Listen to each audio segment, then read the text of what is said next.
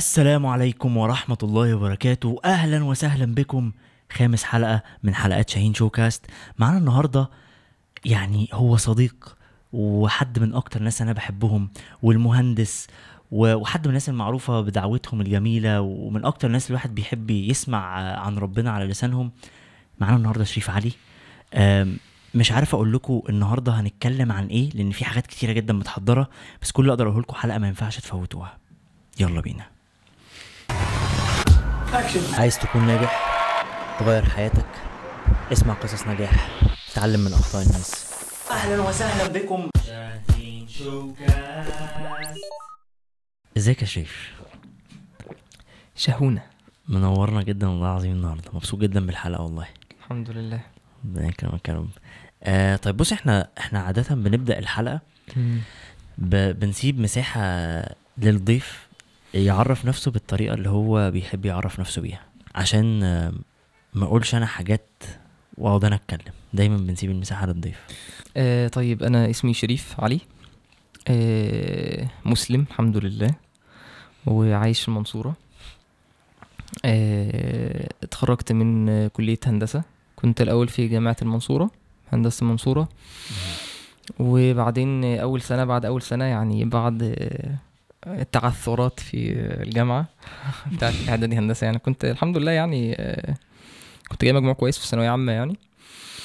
آه، بس في أول سنة في إعدادي كنت بلعب كورة فما كنتش إيه يعني مهتم شوية بموضوع الجامعة يعني. يعني قصة الفشل بدأت معاك في الجامعة مش من الثانوي زي آه. فما كنتش إيه يعني ما كنتش بحضر قوي ففي الآخر يعني إيه شلت شلت مادتين ونص. نص دي اللي هي الإنسانيات ومش عارف إيه كده. غريبة نص دي. آه نص. شلت أول في إعدادي هندسة رسم ورسم و... رسم هندسي وميكانيكس. آه، برافو عليك والله. آه المهم إيه بس جالي قسم غزل ونسيج. فغزل ونسيج ده تقريبا يعني هو كان قسم غزل ونسيج فاتح علشان إيه تقريبا مصنع الغزل اللي هو اللي في المحلة. جنب المنصورة وكده يعني. فالمصنع. قفل والقسم إيه لسه فاتح. القسم لسه فاتح وكده. فكان إيه يعني ف... آه طبعا بقى أنا قعدوا يحفلوا عليا شوية. نجيب لك مكنة بقى مش عارف إيه وكده. مع إنه قسم محترم يعني المفروض يعني. أوكي. فإيه كان إيه في ظروف غامضة كده يعني. هم يعني يعني يعني في الفترة دي أنا عارف إنتوا بتتكلموا عن أيام بقى اللي أنت تفكر وتدخل إيه والطموح. إحنا أيامنا ما كانش عندنا يعني إيه يعني كان عادي يعني ادخل هندسة مش مدني إيه المشكلة؟ جميل. حلو. آه يعني ما كانش عندي قصة إن أنا إيه بفكر قوي في أنا بحب إيه وعايز إيه. إيه وده مش حاجة صح يعني بس ده كان الواقع يعني. فدخلت هندسة. إيه يعني كنت متوقع إن مدني ده حاجة يعني إيه أنت بقى بتحب بقى ال- ال- ال- الماثيماتكس والحاجات دي المفروض أنت إيه شاطر فيها شاطر يعني. بقى. شا- فهتدخل بقى تلاقي الحاجات دي في في مدني بقى. فدخلت بقى لقيت إيه اللي في مدني أكيد عارف يعني.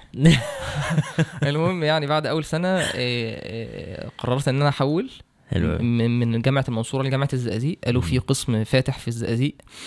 آه، آه، ساعات آه، معتمدة. كان لسه القسم جديد كان فاتح في جامعة الزقازيق وجامعة اسكندرية وجامعة عين شمس. فقلت ممكن أدخل جامعة اسكندرية. آه، وأعيش هناك مثلا في اسكندرية بالنسبة لي أفضل. فلقيت إن إيه الجامعة الوحيدة اللي إيه اللي خدتنا يعني عشان كنا شايلين مواد وكده أنا حاولت بقى معانا إيه مجموعة شلة في المنصوره بقى الجماعه اللي زي حالتنا كده. فروحنا عملنا غزو بقى في الزقازيق. حلو. حولت جامعة الزقازيق. فبس وقعدنا بقى إيه في في الجامعة. آه، الفترة بتاعة الجامعة دي رجعت أنا لعبت كورة تاني. حلو أوي. آه، ده عطلني شوية في الدراسة خلاني ما كنتش باخد كل المواد. آه، كنت بسجل مواد ما كنتش بنزل في في السمر. المهم في الآخر يعني قعدت سنة زيادة. في إيه، الجامعة في هندسة. في هندسة آه. يعني خلصت في ست سنين. ما شاء الله.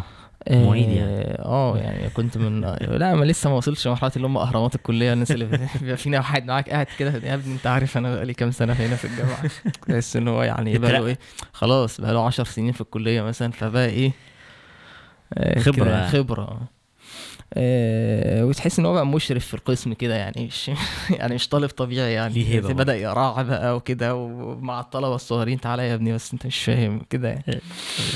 فبس فالحمد لله يعني كملت بقى واتخرجت. آه، دخلت الجيش. آه، خلصت. في الجامعة يعني خدت قرار إن أنا أبطل كورة يعني يعني بعد. قصص كده إيه شوية مع ال- مع التدريب والمدربين والكورة في في مصر يعني. حلو. قررت إن أنا إيه أعتزل يعني. وبعدين في نهاية الجامعة بقى اتخرجت ودخلت الجيش وخلصت وبعدين آه، اتجوزت وكده وبعدين يعني الحمد لله شريف آه، يعني خليني أقول لك في حاجات كتير أنا شخصيا في الحلقة دي عايز أكتشفها عنك بجد. والله يعني الناس اللي عارفة شريف ومن ضمنهم أصدقائك المقربين على فكرة وأنا واحد منهم ممكن نبقى عارفين الجزء اللي الناس كلها بتشوفه اللي هو الجزء بتاع الدعوة اللي بيظهر للناس في videos وعلى ال social media وكده. بس في حاجات كتير عن حياتك أنا شخصيا عايز أكتشف عنها. ف يعني مثلا من ضمن الحاجات كنت نفسي أعرف هو شريف آه يعني عايز أخش في التفاصيل بتاعت شغلك. أنت الدعوة بتعمل videos. وبتعمل دروس ما شاء الله يعني كل ما له علاقة بالدعوة. إزاي بتعيش؟ بتكسب آه، بتاكل عيش منين يعني؟ آه، بص هو أنا يعني إيه الحمد لله من آه، في أسرة الله- اللهم لك الحمد يعني آه، يعني متيسرين ماديا اللهم لك. الحمد فده بشكل كبير ساعدني في آه، موضوع الدعوة. يعني والدي جزاه الله خيرا يعني ساعدني و... وده يعني أنا ظني طبعا كل واحد بيبقى ليه ظروف بتاعته يعني صحيح. أنا ظني إن إن ده من العوامل الكبيرة إن إن ربنا سبحانه وتعالى آه، فرغني بيها إن أنا يبقى عندي مساحة ممكن ما تبقاش عند كتير من الناس. حلو قوي الكلام ده. يعني أنا في الغالب ال- الشغل ما بقاش مضغوط قوي زي ضغطة آه، أغلب أغلب ال- الناس يعني. بشتغل مع والدي في في المكتب. والدي. آه، عنده مكتب محاماة وشغال في تجارة الأراضي وكده. حلو قوي ما شاء الله. بنزل معاه فترة وبعدين فترة بعد الجامعة اشتغلت في في موقع. شغل برضو تبع ال هندسة بقى تبع مجالك. الهندسة في المجال يعني. حلو قوي والله ما حبيتش الموضوع يعني يعني التعامل شوية صعب مع في الموقع يعني وكده مع العمال وكده وبتاع. الحلقة دي كانت محتاجة تبقى مع أحمد أبو زيد في نفس اليوم. لك مقاسي بقى. اتنين مهندسين تركوا العمل. آه ف بعدين إيه حسيت إن أنا إيه ممكن إن أنا أدرس شوية في موضوع الإدارة.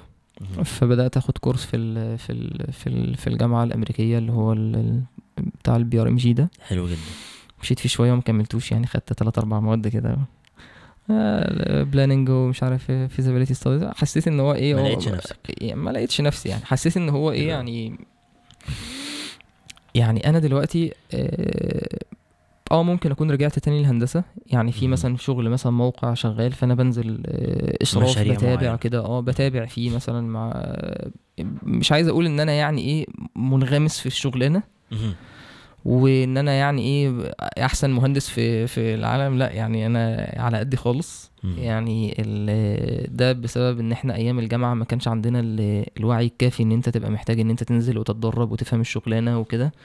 وطبعا ال- المذاكرة اللي إحنا كنا بنذاكرها كنا بنذاكر علشان بس إن إيه اللي هو ننجح. ننجح. آه، وبدأت تفوق في الآخر يعني. بدأت تفوق إن أنت محتاج تفهم وإن أنت محتاج تتحمل مسؤولية بعد لما آه، عدى الوقت ده. انت نازل سوق العمل خلاص بقى هتعمل إيه؟ آه فاكتشفت إن أنت محتاج إن أنت تستدرك اللي فاتك ده وتبذل مجهود آه، فده ده الواقع يعني. فاللي أنا بدور عليه دلوقتي ونفسي ربنا إن شاء الله يكرمني فيه ويوفقني فيه وده الحمد لله حاصل يعني. إن الهدف آه، الهدف دلوقتي اللي عندي آه، مهم. إن أنت آه، مهم إن أنت تسعى إن أنت تتكسب من حلال. وإن أنت آه، تكفي نفسك وإن أنت آه، تصرف على أهلك وتاكل من حلال.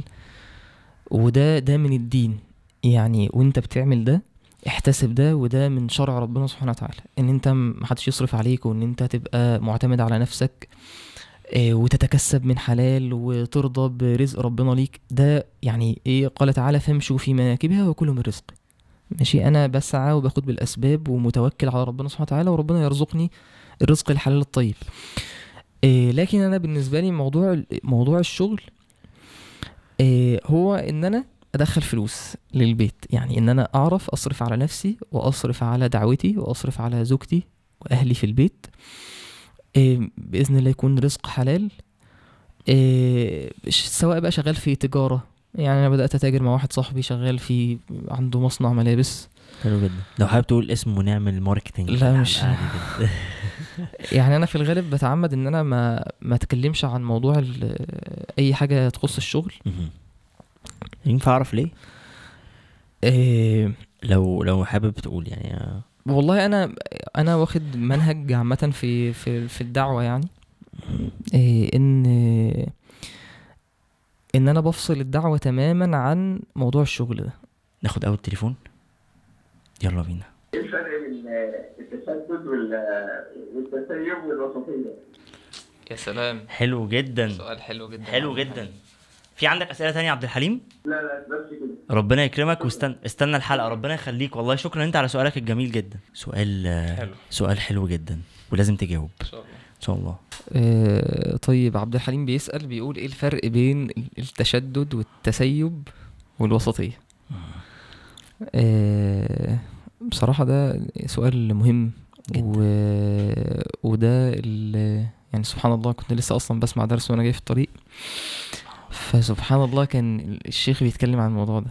أنت متراقب. يعني كان الشيخ بيقول إن من من طرق الشيطان في إغواء الإنسان مداخل الشيطان في إغواء الإنسان الشيطان هدفه إن هو يخلي الإنسان يعذب في النار يخلد في النار. فإما بيصل للهدف ده عن طريق إن يخلي الإنسان يتسيب. أو بيصل للهدف ده إن هو يخلي الإنسان يتشدد. ماشي؟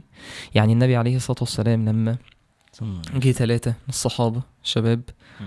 سألوا عن عبادة النبي عليه الصلاة والسلام. صلى الله عليه وسلم. النبي عليه الصلاة والسلام اللي هو كان يقوم حتى تتفطر قدماه حتى تورمت قدماه. كان في حديث آه، النبي عليه الصلاة والسلام لما الصحابي دخل وراه في الصلاة قال فاستفتح البقرة فقلت يركع عند المئة يعني قرأ البقرة. وبعدين استفتح النساء. الصحابي قال يركع بها يعني يخلص البقرة ويركع. يعني استفتح النساء. اللهم بارك. ماشي؟ فقال هيخلص النساء واستفتح. آل عمران. قال يقرأ قراءة مترسلة متأنية. يعني إيه؟ كمان. يعني على الهادي كده لا يمر بآية فيها تسبيح إلا سبح.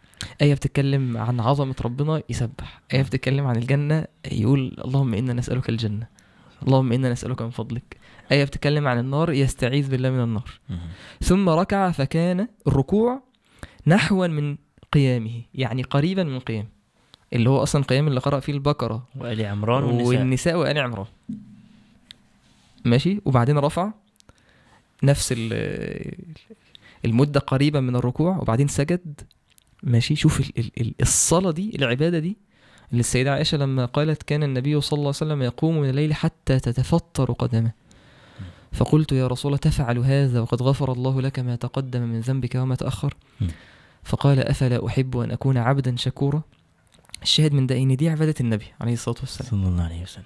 إن النبي عليه الصلاة والسلام ما تركش الحزب بتاع القرآن الورد بتاع القرآن بتاعه. إن النبي عليه الصلاة والسلام كان بيحب يسمع القرآن. إيه، كان حديث جميل النبي عليه الصلاة والسلام لما ذهب لابن مسعود رضي الله عنه وقال اقرأ علي.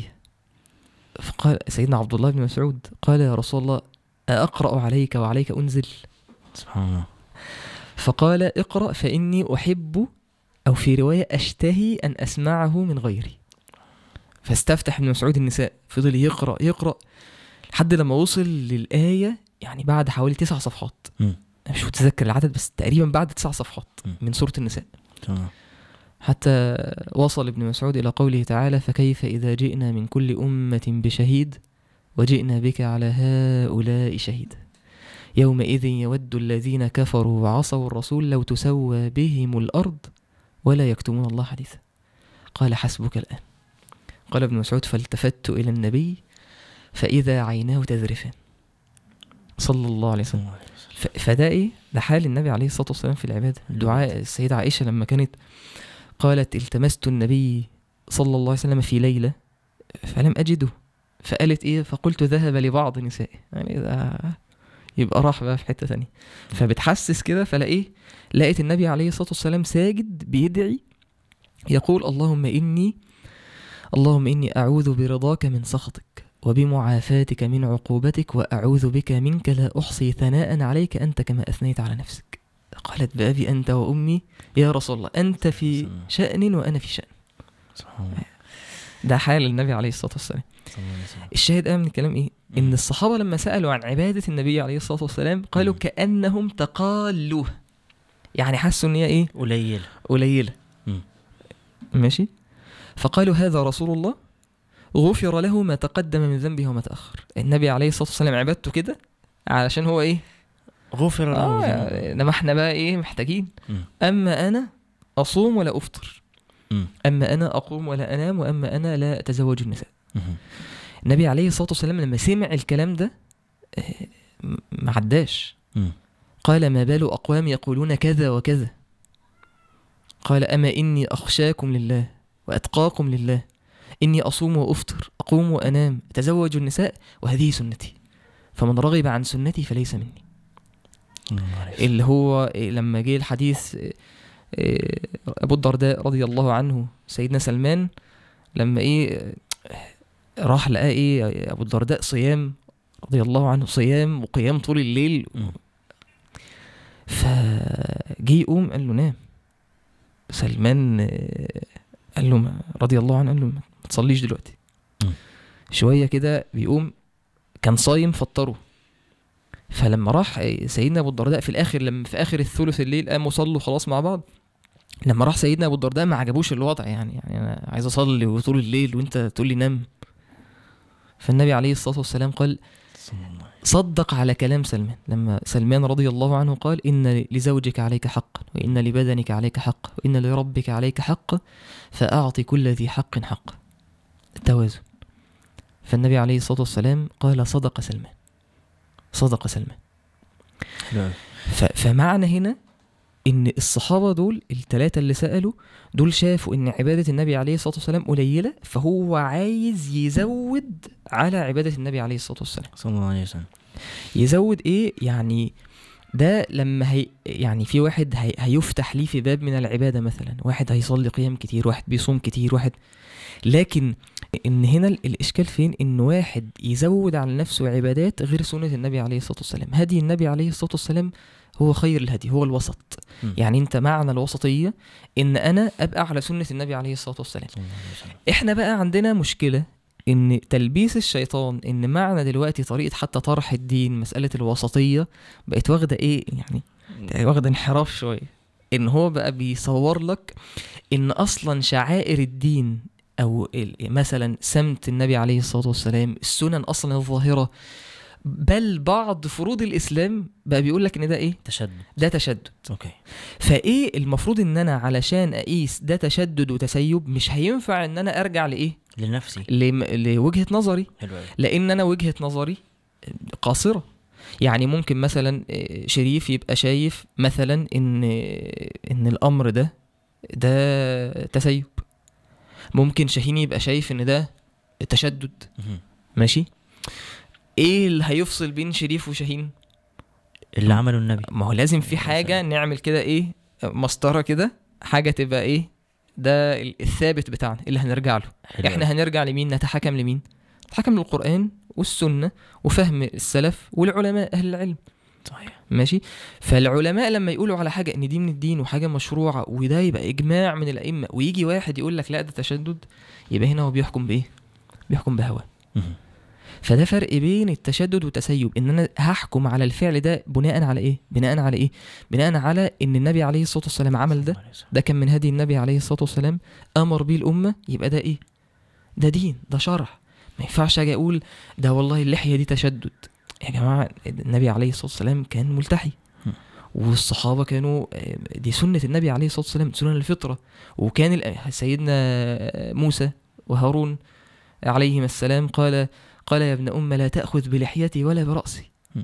إيه ده فده إيه؟ ده سنة. من سنن الفطرة. فلما يجي واحد يقول لك لا والله ده تشدد وبيحكم بناء على الظاهر أو بعض العبادات اللي هي مش على هواه ومش داخلة مزاجه مش حاببها قوي فيقول لك ده تشدد. لا ده الغلط. يبقى أنا بحكم على التسيب والتشدد بناء على. الشرع.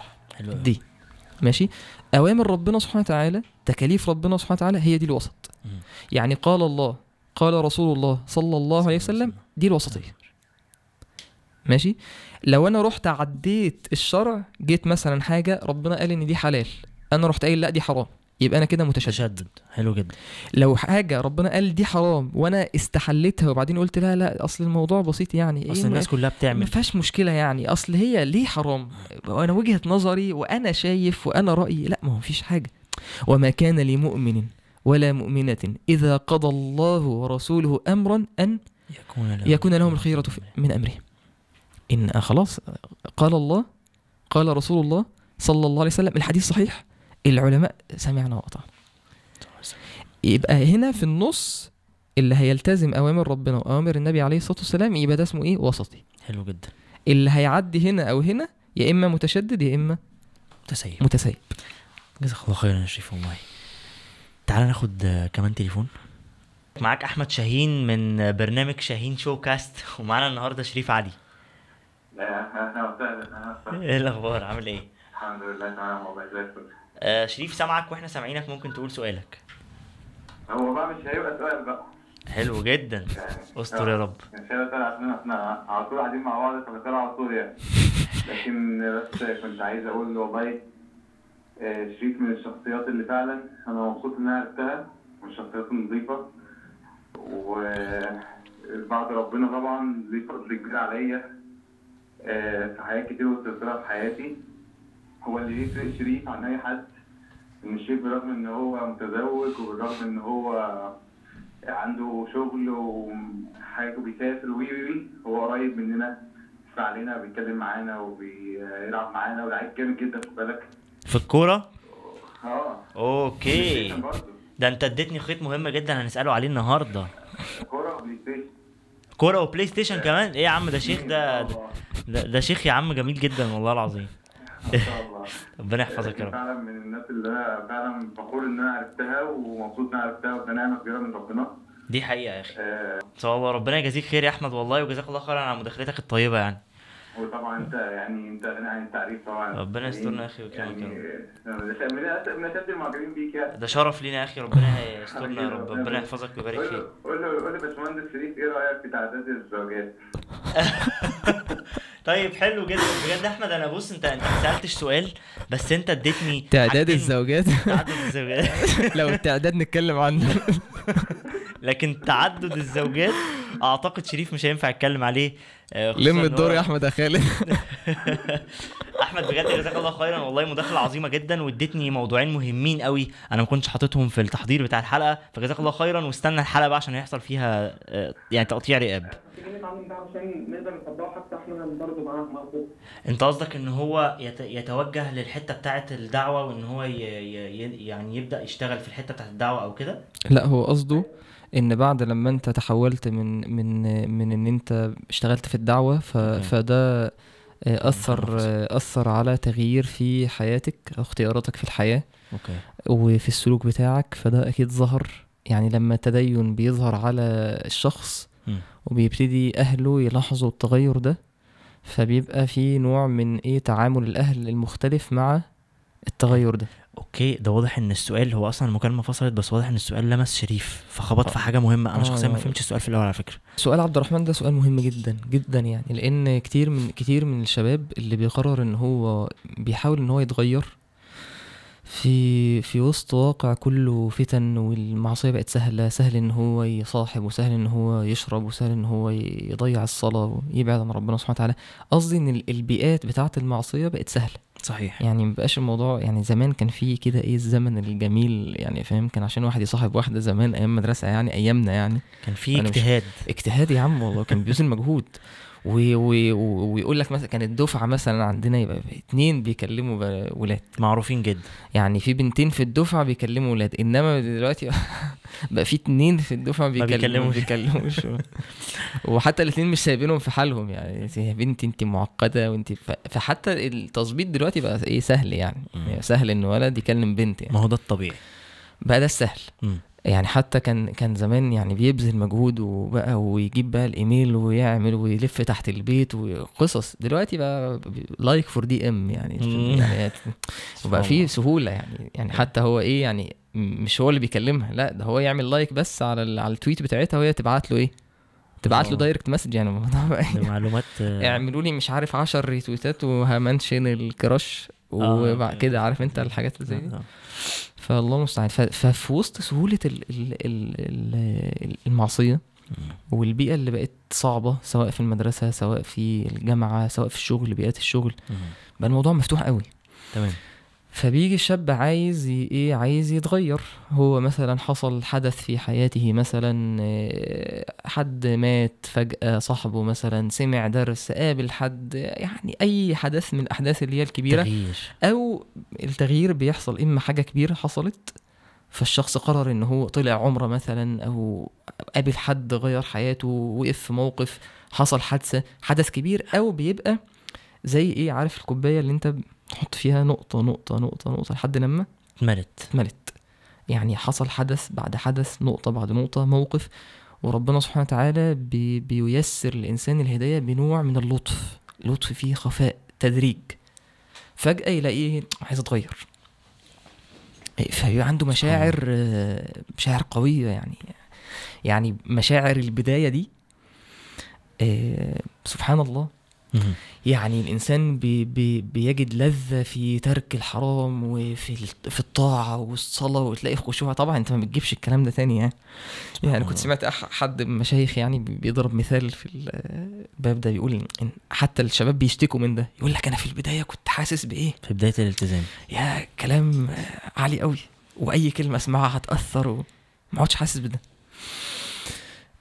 ال- كان شيخ ضرب مثال بيقول إن لو أنت معدي مثلا على طريق ودخلت فيه محلات بتبقى على الطرق بتاعت إيه حلويات. فأنت بقى إيه لو أنت مسافر مثلا إيه رايح دمياط مثلا راس البر في محلات إيه حلويات على الطريق دي. فأنت بتعدي تدخل لك تعالى أدوقك. اديك حتة مشبك شوية بسبوسة شوية آه، مش عارف هريسة كده يعني.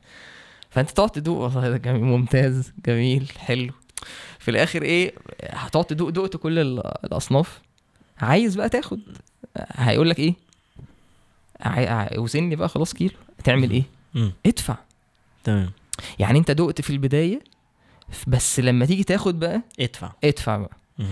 فيعني والله أعلم إن ربنا سبحانه وتعالى بيتعامل مع الإنسان اللي هو كان أصلا معرض وكان بعيد علشان يستشعر لذة الطريق وحلاوة الطريق. سبحان ممكن يذوق بعض المعاني الإيمانية اللي هي أصلا تمنها غالي. فهو يلاقي ده. ببساطة جدا. ببساطة جدا. في البداية. بعد كده عشان يلاقي ده لازم يتعب بقى. اتعب بقى ابذل بقى مجهود. حالك مع القرآن حالك مع القيم. فبتلاقي الشاب بعد لما عشان ما نطلعش لما بيتغير هو أحيانا بتبقى فيه حاجات كتير في الحياة بتاعته غلط. يعني طريقة حياته فيها معاصي كتير.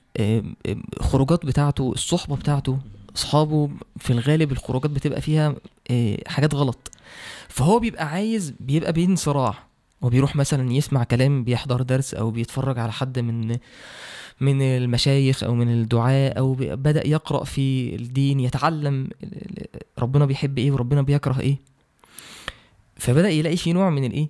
يا جماعة أكيد في حاجة غلط. ما هو اللي أنا بعمله ده ده عكس اللي, اللي ربنا سبحانه وتعالى يريده. صحيح. فبيبتدي إيه يحصل فترة من النزاع. فترة حتى أنا كنت بتكلم في حديث غلام الأخدود إن هو بدأ يتردد بين بيئة بيروح وهو رايح بيتعلم السحر في, في قصر الملك والساحر ويوري له بقى إيه يشوف بقى ال- ال- الزخرف بتاع القصر. وهو في الطريق بيعدي على الراهب. قال فقعد إليه فسمع كلامه فأعجبه. النبي عليه الصلاة والسلام قال كده. فبيقول لك إيه؟ فبينما النبي عليه الصلاة والسلام قال فبينما هو على ذلك. يعني بينما هو على ذلك يعني بيتردد بين البيئة بتاعت إيه؟ الراهب بيروح يسمع فيها كلام ربنا وبيئة السحر وبيئة الساحر اللي فيها كل إيه؟ زخارف الدنيا. وهيبقى إيه؟ خليفة الساحر. يعني الساحر ده اللي هو دراع الملك اليمين. فبيحصل نزاع. بينما هو على ذلك يعني في النفس طب اصحابي أمشي معاهم بحبهم أسيبهم. إيه إيه أهلي في البيت. في حاجات كتير ممكن تكون وده جزء من اللي بيدفع. صحيح. جزء من الثمن تمن. ده جزء من التمن. ال- السؤال بقى فين؟ هو لما قرر إن هو يختار إن هو يتغير مم. هيظهر عليه حاجات ممكن الحاجات دي أهله ما يبقوش حابينها قوي. يعني مش متقبلينها. صحيح. بدافع إيه؟ هل أهله مثلا وحشين؟ لأن خالص. برضو بعض الشباب بيستحضر إيه؟ إن مثلا هم إيه؟ على معصية وهم إن مش أبوه. ده كنت أنا حتى عامل إيه مقطع قبل كده فيديو كنت بتكلم عن بقول له إيه؟ إن- إن أبوك مش أمية بن خلف وأنت مش سيدنا بلال. حلو يعني ما تستحضرش إن أنا أبويا ده إيه خلاص هو إيه هست... هأسقط عليه أحاديث الكفار و... وأنا بقى سيدنا بلال. مستضعف وهو بقى بيعذبني. يا عم لا الموضوع مش كده. أبوك بيحبك خايف عليك. وخايف عليك وهو ليه حق إن هو يخاف لأن الواقع فعلا سيء. صحيح. آه، والإعلام بي بي بيساعد في مسألة إن هو يبقى خايف أكتر. ماشي؟ فأنت طمنه. آه، في نفس الوقت هو أبوك نفسه يشوفك كويس. يعني هو يعني هو بالعكس كتير من الآباء والأمهات بيجوا لما الولد مثلا يبدأ إن هو يبعد ويبدأ إن هو يترك الصلاة ويمشي مع صحبة سيئة ويشرب مثلا أو يبقى ليه علاقات بالبنات في حرام فالأهل بيبقوا متألمين جدا. أمهات بتتكلم وأباء بي... الأم بتب... بتبكي فعلا إن ابنها ضايع ونفسها يبقى كويس. فهي نفسها إن هو يبقى كويس. هي المشكلة فين؟ إن هو خايف. فأنت تتعامل مع ده إزاي؟ بكل بساطة. الحزم مع اللين. يعني انت هتبقى ثابت على موقفك. بعد التأكد ان موقفك ده صحيح. شرعي صحيح. يعني يكون كل ما الإنسان بيزداد علم كل ما بيزداد آه، آه، بصيرة وحكمة. كل ما الإنسان بيبقى العلم بتاعه قليل كل ما بيبقى بيتعامل مع الناس بنوع من. الحدة. والغلظة ويقفل على نفسه. وتبتدي الناس تتهمه بالتشدد. آه الناس كده كده بتتهم بالتشدد ده ده موجود. لكن أحيانا تعامل أصلا الشاب اللي بيبتدي ياخد قرارات في التدين بيبقى فعلا متشدد. هو بيف- بيساعد في ده. صحيح. يعني هو مشاعره هو مش عايز يبقى متشدد بس هو بيحس إن هو مضغوط عليه فعايز إيه؟ يقفل على نفسه يتقوقع فبيعمل ده. وساعات يعمل بسبب ده شريف آه، حاجات غلط أصلا. طبعا. يعني يعني أنا أنت أنت خلتني افتكرت حاجة مضحكة جدا حصلت آه، في بداية الالتزام. وده يعني أنا مش هقول إن أنا ملتزم أصلا دلوقتي بس بقول يعني إيه في الوقت ده في بداية ما فكرت أدخل آه، أتعلم في الدين وكده فكانت في شوية قرارات مهمة في حياتي أخدتها وكان ده زمان جدا يعني وأنا في, في كلية أو كده. فمن ضمن المواقف اللطيفة جدا ما كنتش عارف المحارم أنت متخيل انت مستوعب ال- المستوى كان فين. مش عارف فين اللي اسلم عليه بالإيد وإيه اللي. مين ما سلمش عليها بالإيد. آه ف... بنت فمن- عمي وبنت خالتي آه، و- فمن كتر ما كانت الدنيا منفتحة وأنا مش فاهم فلما جيت آخد قرارات عنيفة تانية مالهاش علاقة بالموضوع ده حاجات كانت كانت حاجات تانية في حياتي يعني. نطيت الناحية التانية. نطيت الناحية التانية فما بقتش بسلم على عمتي مثلا. فطبعا خدت بالقلم ده. عمتك ده أمك مم. يعني ده ما فيش كلام. ف... فدي كانت المواقف الظريفه جدا وعمتي ساعتها زعلت وبتاع. أكيد ممكن تبقى بتسمع الحلقة دي فتفتكر. أنا فاكر الموقف يا عمتي والله بحبك جدا. آه طب ف... فهو كان سؤاله بيقول لك لو إحنا عايزين آه نقول حاجات تساعد الشاب في الموقف ده إن هو يتغلب على الحاجات دي. فلو عايزين نقول تبس سريعة عشان يعني ما إحنا في إحنا إحنا. بس أول حاجة إن إن الشاب يكون حريص إن هو يكون عنده شيخ مربي. حلو جدا.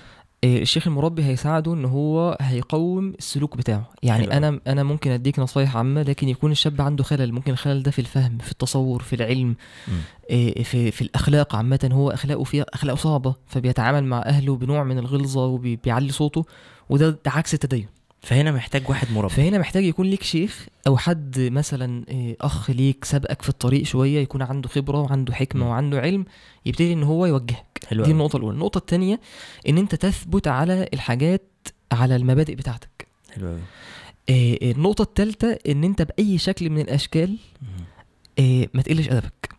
ما تعليش صوتك. بنسمع أبوك وأمك. بنسمع حاجات فعلا ومن ناس وملتزمين ومش عارف إيه إيه الله المستعان. هو بيتعامل مع أهله بنوع من ال... إن أنتوا عايزين تضيعوني وعايزين مش عارف إيه. حتى لو ده الواقع ما ينفعش. بأي شكل من الأشكال صوتك ما يعلاش. صحيح. صوتك ما يعلاش على أمك. أخلاقك لما هتبقى في البيت كويسة وطيبة والتدين بتاعك أثره هيجي على أخلاقك وطبعك في البيت واحترامك لأهلك وأبوك يلاقي ده يعني يلاقي أفعال. يلاقي أفعال يلاقي أنت بتبوس إيده يلاقي إن أنت. إيه ب... بقى في لين ما بينك إيه عامل لك إيه يا حبيبي؟ طب عايز إيه؟ طب هو هي... هيلمس ده حتى لو ليك إخوات وهو هيلمس ده. هيلاقي الواد ده يا جماعة بقى محترم الواد ده اتغير. فحتى لو ما اقتنعش ببعض الأفعال هو هي- لو هو هو لو هو إيه م- مشكلة الأهل إن هو هو ممكن يكون ما عندوش تصورات كتير عن الدين. بسبب إيه؟ قلة العلم مثلا أو بسبب الإعلام. لما هيلاقيك بتعمل ده واقع وبتطبق ده هو فعلا هيحترمك حتى. لو مختلف معاك. حلو قوي فتلات حاجات نصايح شيخ مربي أو أخ يكون سابقك في الطريق ترجع له. تاني حاجة إن أنت تكون حازب في ما تتنازلش. ما دام عرفت الصح وتأكدت ما منه ما تتنازلش. تتنازلش. حلو قوي تالت حاجة إيه، نوع اللين وحسن الخلق تلزم اللين وحسن الخلق والابتسامة والأدب. ودي محتاجة إيه؟ محتاجة مجاهدة. إنما الحلم بالتحلم. إنما النقطة الرابعة إن أنت ما تخسرش دينك عشان حد. قال تعالى وإن جاهداك على أن تشرك بي ما ليس لك به علم يعني لو أبوك وأمك قالوا لك. اسجد للصنم ده اعبد الصنم ده ربنا قال إيه فلا تطعهما وصاحبهما في الدنيا معروف. آه شريف أنا هسألك سؤال آه، وأنا دايما الأسئلة الحساسة بقول للشخص إن إحنا ممكن نشيلها في المونتاج آه إحنا أصحاب من حبة حلوين. وربنا يعلم أنا بحبك قد إيه.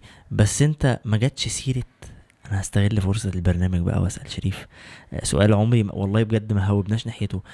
آه يعني أنا عرفت شريف بشريف دلوقتي بحياته دلوقتي بحياته بعد الالتزام.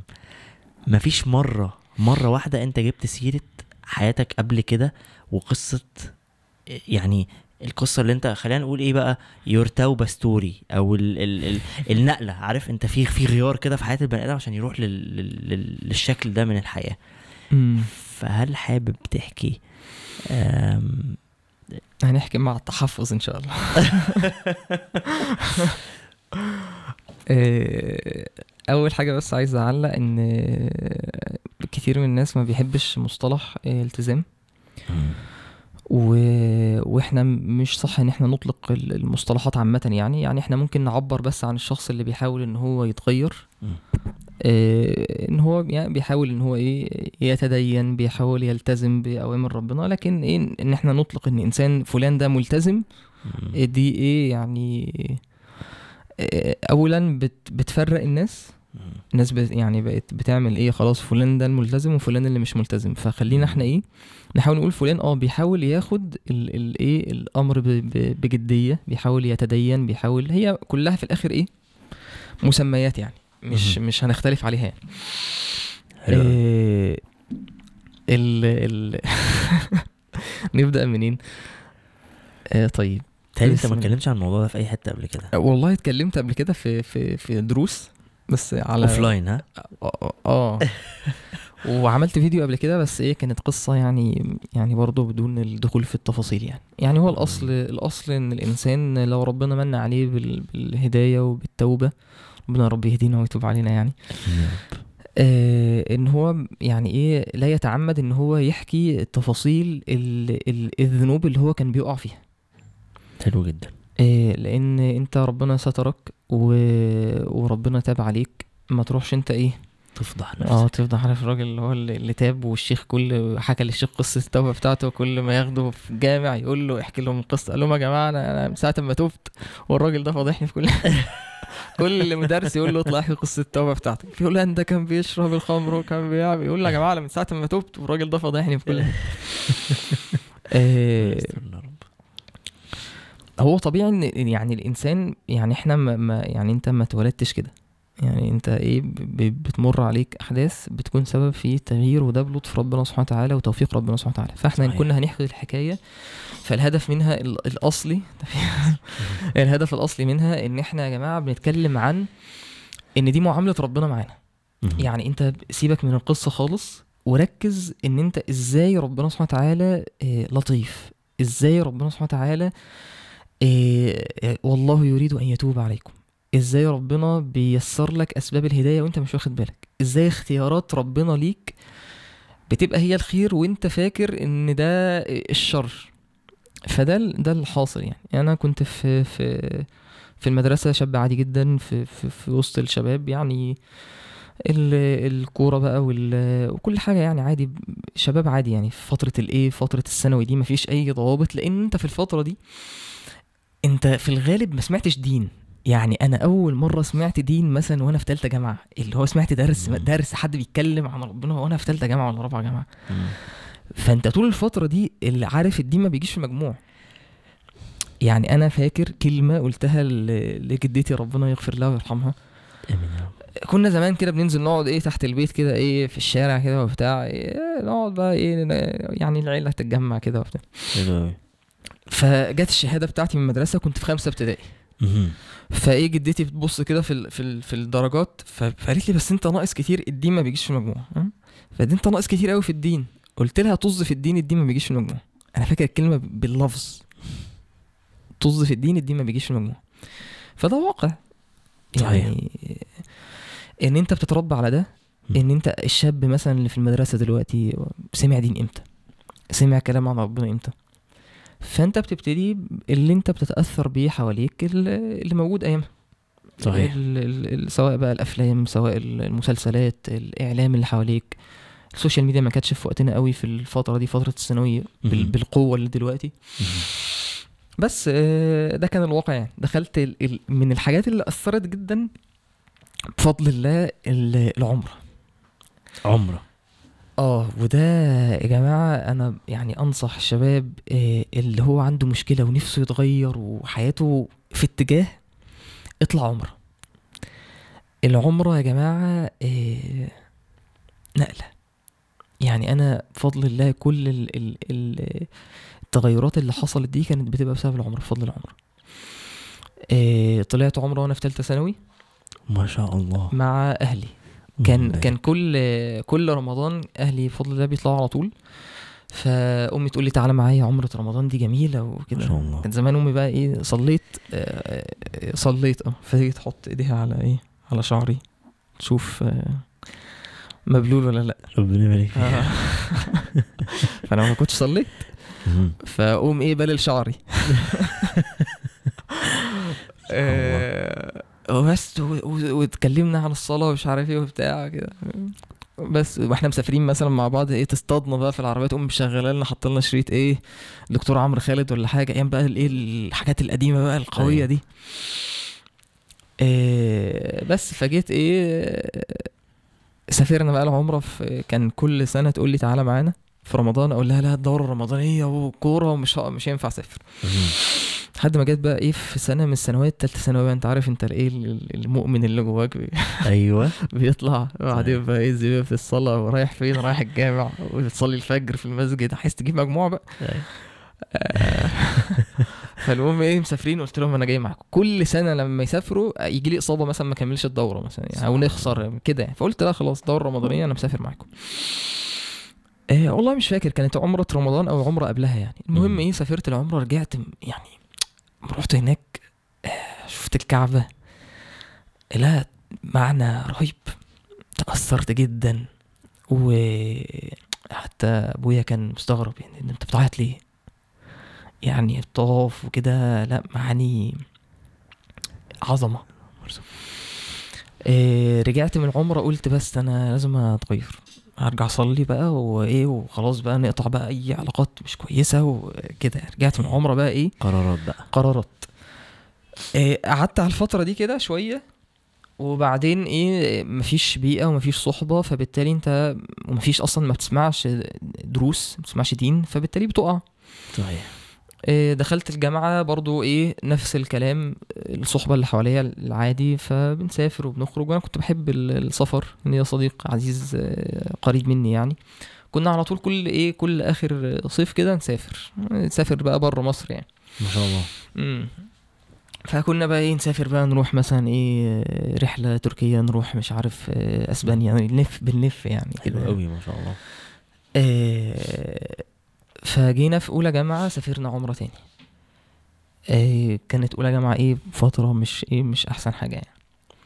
رجعت من العمره برضو فترة كده قرارات وبعدين بتقعد فترة وترجع تقع تاني إيه لحد آه، يعني كنت ماشي بنفس إيه نفس ال ال ال ال ال الريتم ده كده اللي هو. تقع وبعدين تطلع عمرة ترجع بعدها آه، عايز بقى إيه تظبط شوية وبعدين ترجع تقع تاني.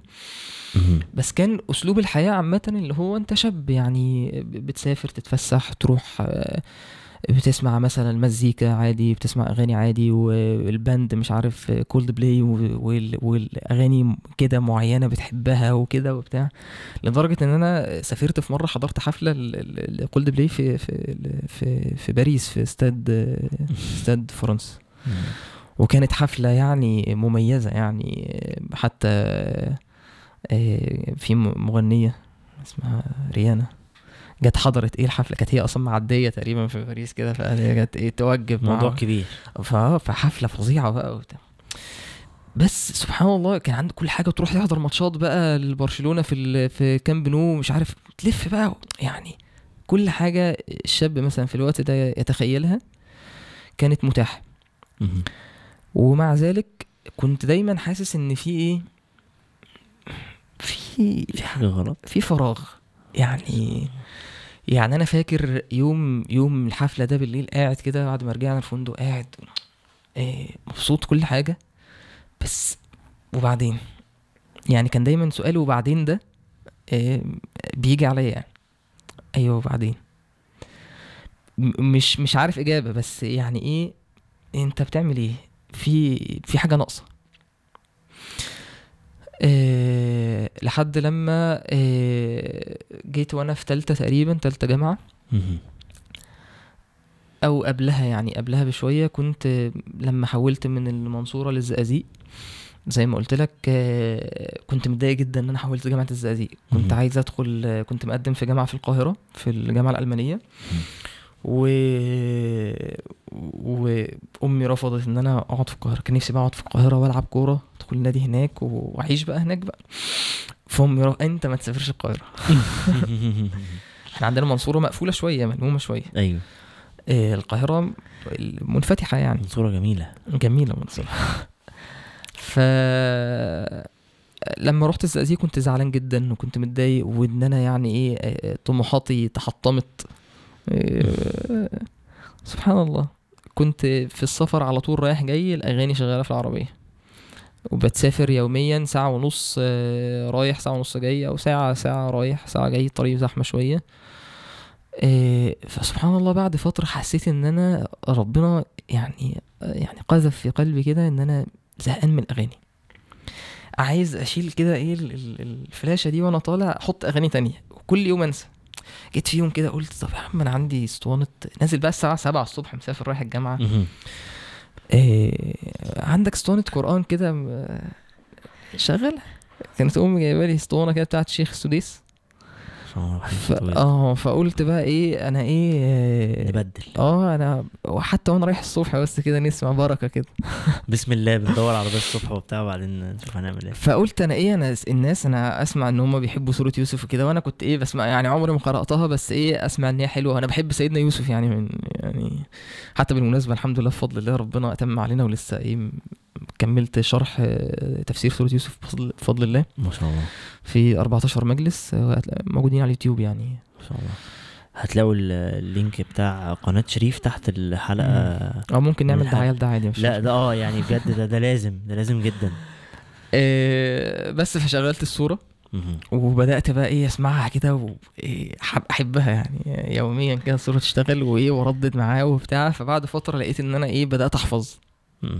فقلت طب ما الموضوع حلو أهو يا جماعة طب ما إيه نشغل إيه من جزء من سوره إيه النبأ من الأول بقى لا مش من الأول بقى الجزء ال 30 ده اللي يعني هو أقصد الصلاة. تبدأ بقى آه. نجيب حاجة من أولها يعني نشغل أقصد. كده آه. وإيه وتردد معاه وتحفظ وبتاع. وتسلي نفسك في الطريق كده يعني بالترتيب بقى فبدأت أعمل كده والحمد لله بدأت إيه, إيه بدأ الموضوع بعد فترة بدأت إيه أتعلق بالقرآن سبحان الله بعد فترة بدأت أحس إن أنا يعني إيه مش عايز أسمع أغاني زهقت انت كنت بتسمع قرآن وجنبيه أغاني. وأنا رايح الصبح قرآن وأنا راجع أغاني. سبحان الله. آه، أنا أنا عشان كده يعني حتى الناس اللي تقول لك خلاف في الأغاني وخلاف في الموسيقى وكده أنا أنا عشت ده. فأنا عندي يقين إن الموسيقى حرام. يعني بغض النظر عن اللي يقول لك خلاف ومش عارف وخلاف. بتاع. أنا عارف أثر ده في القلب. وعارف جدا إن أنت إزاي تعيش مع أغنية وإزاي إن أنت تعيش مع كلماتها. والحالة اللي أنت بتدخل فيها وأثر ده على قلبك. ومتأكد إن ده يعني يستحيل يجتمع في القلب كلام ربنا سبحانه وتعالى مع مع لهو الحديث. فالشاهد يعني إن إيه كان الصبح بقى قران وبالليل وإحنا راجعين أغاني. لحد ما بدأت ما أحبش أسمع أغاني. إيه خسارة يا شريف. انت كسرت الناس كتير طموحاتها آه، تحت س- تحت شراع ساعة لقلبك وساعة لربك لا أنصح أنصح الشباب ال- المبتلى بده إيه، ال- القلب القلب ده بيزاحم. يعني القلب قلبك ده كل ما انت بتفرغه للوحي. إحنا قلوبنا ما عادش فيها مكان. لكلام ربنا سبحانه وتعالى. قلوبنا بقت مزدحمة. وانت كل ما قلبك بيتملي بحاجة كل ما بتطلع على لسانك. انت زمان كنت بت... بتدندن إيه؟ اغاني. انت شاربها حافظها بترددها. إيه لكن لما انت تحفظ كلام ربنا سبحانه وتعالى ويملأ قلبك وانت بتتكلم وانت بتدندن مع نفسك كده بتلاقي. نفسك بترتل آيات ربنا سبحانه وتعالى. لا يستوي. يعني لا يستوي عند ربنا سبحانه وتعالى اللي قلبه انسان يعني إنسان قلبه مليان آه، كلام ربنا مليان قرآن م. واللي قلبه مليان آه، أغاني ومهرجانات وكلام حب وكلام عشق وكلام وإحنا يعني إيه يعني إحنا عارفين الأغاني فيها إيه. صحيح. يعني إحنا إيه بلاش نضحك على بعض. النبي عليه الصلاة والسلام قال الإثم ما حاك في صدرك الإثم ما حاك في صدرك. حاك في صدرك يعني إيه؟ يا عم هي حرام. مم. هيقول لي وإن أفتاك الناس وأفتوك. أنا حاسس إن هي حرام. مش مش مش إحساس بناء على هوى لأ ده الأئمة الأربعة مم. الصحابة قول النبي عليه الصلاة والسلام. برضو عمرة يعني كنت مرتب لرحلة مع أهلي. مهم. رحلة. رحلة عمرة طالعين عمرة. أوكي.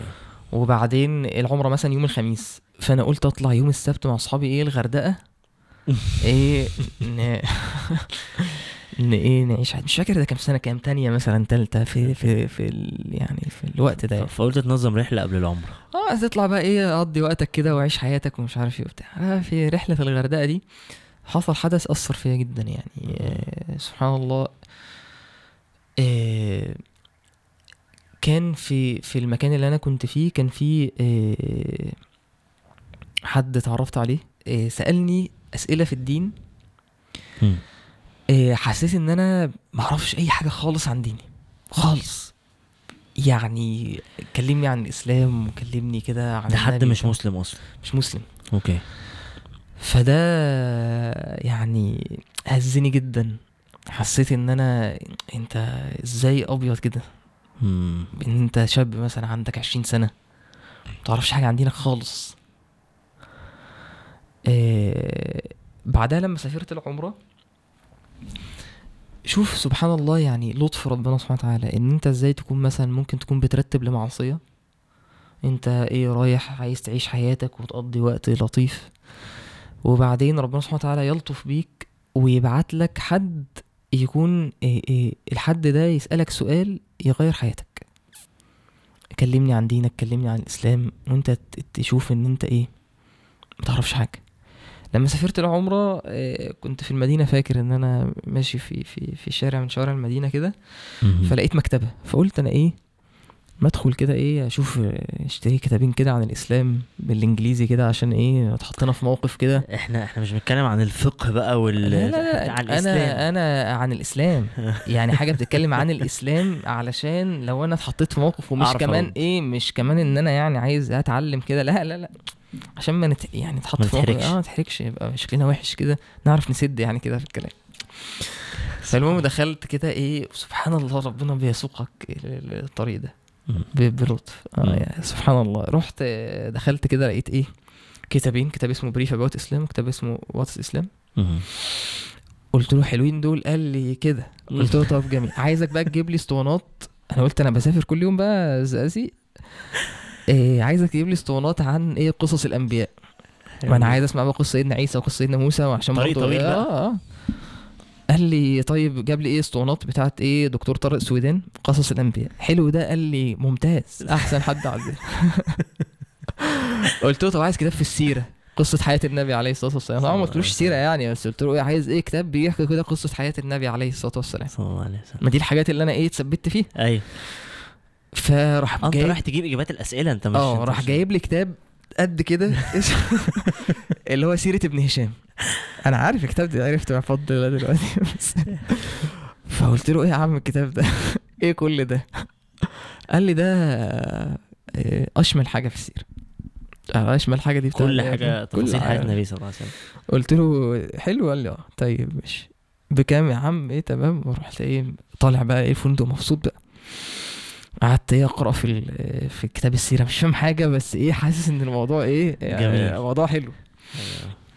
آه، فتحت الكتاب بتاع بريف أباوت إسلام ده كان جايب في البداية كده إيه مقدمة عن الإعجاز العلمي في القرآن بس الحاجات اللي هي الإيه المجمع عليها يعني اللي هي. مش مش خلافات قوي يعني فقعدت أقرأ وإيه منبهر آية بقى بتاعت إيه, إيه مرج البحرين يلتقيان بعدين آيات بتاعت الجنين في سورة المؤمنون إيه ألم نجعل الأرض مهادا والجبال أوتادا؟ ويقول لك بقى جايب لك بقى إن الجبل ده ليه روت جذر في الأرض. فقلت إيه ده؟ عارف واحد بيتعرف على الإسلام بقى. يا جماعة ده إحنا ديننا إيه الجمال ده؟ وأروح الله. وبقول لأمي بقول لها بصي شوفي الآية دي معناها كذا و... منبهر. لما رجعت بقى من العمرة قلت بقى إيه أنا هبتدي أسمع بقى إيه ال- قصص الأنبياء. دي كانت بقى إيه البداية. إيه فبدأت في الطريق وأنا رايح بعد ما كنت كاره طريق الزقازيق ده إن أنا بسافر رايح جاي وبتاع. بدأت أحب الطريق يعني بدأت أسمع إيه ده الطريق آه، بنسمع فيه حاجات آه مفيده بسمع فيه قصص. وأشغل بقى من بداية بقى قصة سيدنا آدم وتسمع و... بدأت إيه أحس إن أنا بفهم القرآن. حلو جدا. يعني لما بسمع بقى أي قصة مثلا ما هو قصص القرآن يعني يعتبر تلت القرآن. قصص الأنبياء وقصص السابقين في القرآن فلما تيجي بعد كده بقى تلاقي سوره شغالة ولا لو انت بتقرأ مثلا فتلاقي إيه, ده قصة سيدنا موسى ده أنا عارفها الحتة دي عارف الحتة دي هيعمل كذا و... فحسيت بنوع من إيه؟ يعني في بداية لما بتتعلم حاجة في الدين بتحس بنوع من الإيه؟ من ال- اللذة العلم الشرعي ليه. طعم. خلصت قصص الأنبياء وبعدين قلت أنا عايز أسمع السيرة. خلصتها في العربية يا شريف؟ آه في العربية الطريق رائع. إيه بدأت إيه طيب أسمع السيرة فجبت إيه كنت طالع بعدها بسنة طلعت عمرة فرجعت وأنا راجع جايب اسطوانات بتاع السيرة بتاعت إيه دكتور طارق سويدان برضو. هو بقى اللي أنا بدأت معاه. فسمعت السيرة بتاعته إيه ما عجبتنيش قوي. ف قابلت حد من الشباب آه، يعني كان حد دفعتنا يعني ربنا يجازيه خير. هو إيه حد معروف يعني برضه آه، كان هو إيه في, في, في الفترة دي هو يعني يعتبر إيه اللي مستشيخ في في الدفعة يعني. حلو جدا. آه فقلت له هو بقى عرفني على الشيخ مشاري. قال لي بقى ده في شيخ اسمه مشاري. وقعد بقى يسمعني. حتى أنا فاكر أنا راكب في العربيه معاه بقى وبيجي الشريط يعني فاهم؟ اسمع بقى إيه سوره آه، إبراهيم واسمع سوره مش عارف إيه. فكنت إيه آه منبهر. آه، الشيخ مشاري آه، في الفترة دي. صور رهيبة. آه وبعدين آه قال لي على برنامج اسمه على خطى الحبيب بتاع دكتور عمرو خالد. حلو. قال لي اسمع ده على خطى الحبيب بيتكلم عن السيرة النبوية. حلو جدا. على خطى الحبيب ده آه، نقلة. يعني ده من الحاجات اللي أثرت فيها جدا جدا جدا. يعني بفضل الله. حسيت إن إن ال- الرسالة اللي أنا خرجت بيها من برنامج على خطى الحبيب إن أنا ما ينفعش أعيش كده آه، من غير هدف. عايز أعمل حاجة للدين. حتى أنا فاكر في حلقة من الحلقات آه، دكتور عمرو بيقول يعني اعمل حاجة للدين آه، قعد بقى يضرب أمثلة عن الصحابة وفي غزوة مؤتة وحتة كده كانت مؤثرة جدا. وبعدين راح قايل أنت بتعمل إيه وبقالك كام سنة؟ ومش فقلت طب أعمل إيه طيب؟ أنا بكلم نفسي وأنا إيه سايق تسمع. الطريق. مش عارف أعمل إيه. صلي. واسجد لربنا وادعي إن ربنا يستعملك في حاجة. قلت طيب ماشي. آه رجعت. آه قلت أنا هعمل زي ما بيقول بقى أصلي. كان أول مرة أسمع عن حاجة اسمها قيام ليل ده يعني إيه صلي قيام ليل ده؟ أنا في آخر اللي هم الفروض الخمسة وبتصليهم بالعافية. صلي وادعي.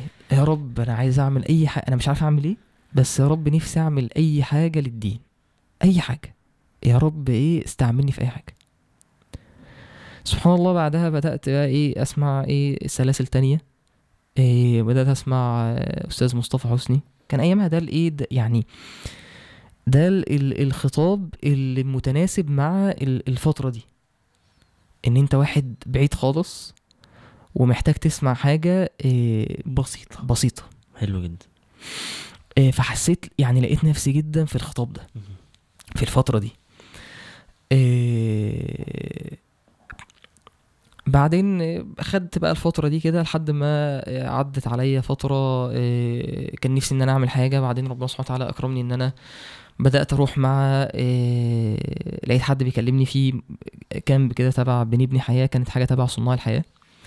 فكان إيه بنبني حياة دي كانت مجموعة من الشباب مقربين جدا لدكتور عمرو خالد. فبدأت إيه تروح بقى معاهم. آه هو دخلني دخلوني معاهم في الكامب ده فبدأت إيه اتعرفت على دكتور عمرو آه وصاحب فضل عليا. آه طبعا مع يعني أنا آه ودكتور عمرو بالنسبة لي حاجة يعني كان ليه أثر كبير جدا في حياتي وأنا دايما بدعي له بالخير. آه طبعا مع إيه إن إن كان في بعض ال- الاختلافات في بعض مثلا الأفكار أو الطرح مثلا فده وارد يعني ده لكن إحنا لا ما ينفعش إن أنا أنكر فضل. صح آه، دكتور عمرو عليا وعلى كتير من جيلي والجيل اللي قبلي واللي قبل اللي قبلي. ف فده طبعا يعني إيه من باب يعني إيه الإنصاف يعني. عديت الفترة دي وبعدين بدأت إن أنا إيه أروح بقى أحضر في حتة اسمها دار العماد. كان مكان تبع تبع الأزهر. إيه بس إيه كان صوفي يعني شوية. فأنا أنا ما كنتش عارف يعني إيه لا يعني إيه صوفيه ولا. يعني إيه عشان يا عم الناس دي بتتكلم عن ربنا نروح نسمع وخلاص. بعدين في مرة من الحاجات الطريفة يعني. كنت حاضر درس هناك. ده ده ثانية واحدة شريف ده ده أول مرة ده يعني ده أول مرة تخش بقى تسمع درس. لا لا لا ده أول أول مره يعني ده كان كان درس كده بس م- كانت كان دخلت خدت حاجة اسمها دورة تمهيدية مم. في العلوم الشرعية كان تقريبا. سبع محاضرات وهو المكان هناك كان كان كويس جدا ما أعرفش. لسه مفتوح ولا مقفول يعني. ح- حضرت مجلس كده فالمهم إيه الشيخ خلص كان بيشرح كتاب الشمائل المحمدية آه، الإمام الترمذي خلص قفل الكتاب وبعدين إيه طب يا جماعة هنقوم بقى ولا إيه فلقيت إيه بدأوا بقى إيه, إيه ينشدوا بقى ويقولوا إيه, إيه تمام. كده بتاع. فالمهم إيه والشيخ إيه غمض عينه وقعد يهز. فأنا ماشي في إيه يا جماعة؟ هتحولوا ولا إيه؟ فجأة كده لقيت إيه واحد جنبي فأنا بس إيه ف بس ما يعني إيه حسيت إن في حاجة غلط يعني. يعني أنا ما ارتحتش. خصوصا إن هما كان في موضوع كده إن أنت أنا كنت بحب إيه أتكلم. يعني كل ما أتعلم حاجة أحب إن أنا أعلم الناس وأتكلم وكده. كويس. بفضل ربنا يعني ف... فكان ده ضد الايه ال- الفكرة يعني بتاعتهم عامة. أنت ما ينفعش إن أنت تتكلم في الدين إيه غير لما الشيخ يجيزك. وده إن كان في جزء من. من الصواب إن أنت ما تتكلمش بجهل. صحيح. ولكن في برضه إيه جزء من الخطأ إن النبي عليه الصلاة والسلام قال بلغوا عني ولو آية. صحيح إن أنا يعني لو أنا عارف حاجة وقدامي إن أنا أنصح شخص أنصحه على قدر صح،. آه يعني على مم. قدر المعلومة أو حتى هنصحه لو أنا مش عارف الدليل أقول له والله أنا سمعت ان إن الحاجة دي غلط ممكن ترجع يعني. واسأل اسأل مهم. يعني لكن إن أنا ألغي الدعوة خالص غير لما الشيخ يجيزني فدي أنا شايف إن فيها إيه مشكلة شوية يعني المهم عدت بقى إيه ال- ال- الفترة دي كانت إيه الفترة كده يعني كان ال- ال- الفترة دي كنت بحضر الدروس الدروس كلها بتبقى شباب مع بنات. mix كده. إيه كنت بحضر لناس آه، ناس معروفين يعني. okay. إيه وكانت ال ال ال ال حياتي كانت مفيش فيها تغيير. يعني إيه؟ يعني أنا كنت كان بت يعني طريقة ال- الخطاب الديني اللي أنا كنت بتلقاه في الفترة دي ودي نقطة مهمة جدا إن الناس تسمع. الخطاب ده إيه كان حلو بيحسسني إن أنا إيه؟ مسلم. كويس حلو من جوه مسلم وكده. بس كان التغيير الجذري اللي في حياتك إيه مش موجود. يعني إن أنت مثلا يعني زي ما أنت بتروح تحضر فرح وترقص في الفرح وتسمع أغاني ده ده إيه؟ م م أنت مش حاسس إن في مشكلة. يعني أنت بتروح تحضر درس وبعدين إيه حد عازمك على فرح فانت تحس إن إيه يعني يا جماعة ميكس غريب. وأنت مش حاسس إن ده في مشكلة. ممكن. يكون في زيادة شوية في الاختلاط. ممكن طبعا الاختلاط الزيادة ده هيبقى ليه أثر مع مع العلم إن ناس كتير هو شاب محترم جدا وبنت محترمة جدا لكن البيئة بيئة الاختلاط اللي هي فيها زيادة وبنهزر مع بعض وإحنا زي الإخوات ومش عارف إيه ده فساد عظيم بيترتب على ال- البيئة دي إيه والبيئة دي كانت فعلا بتأثر على قلب الواحد بشكل كبير الإنسان ضعيف أنت عارف. إيه فبس فضلت الفترة دي كده إن أنا إيه بطلع نحضر أي دروس في القاهرة. كل الدروس كانت من النوعية دي.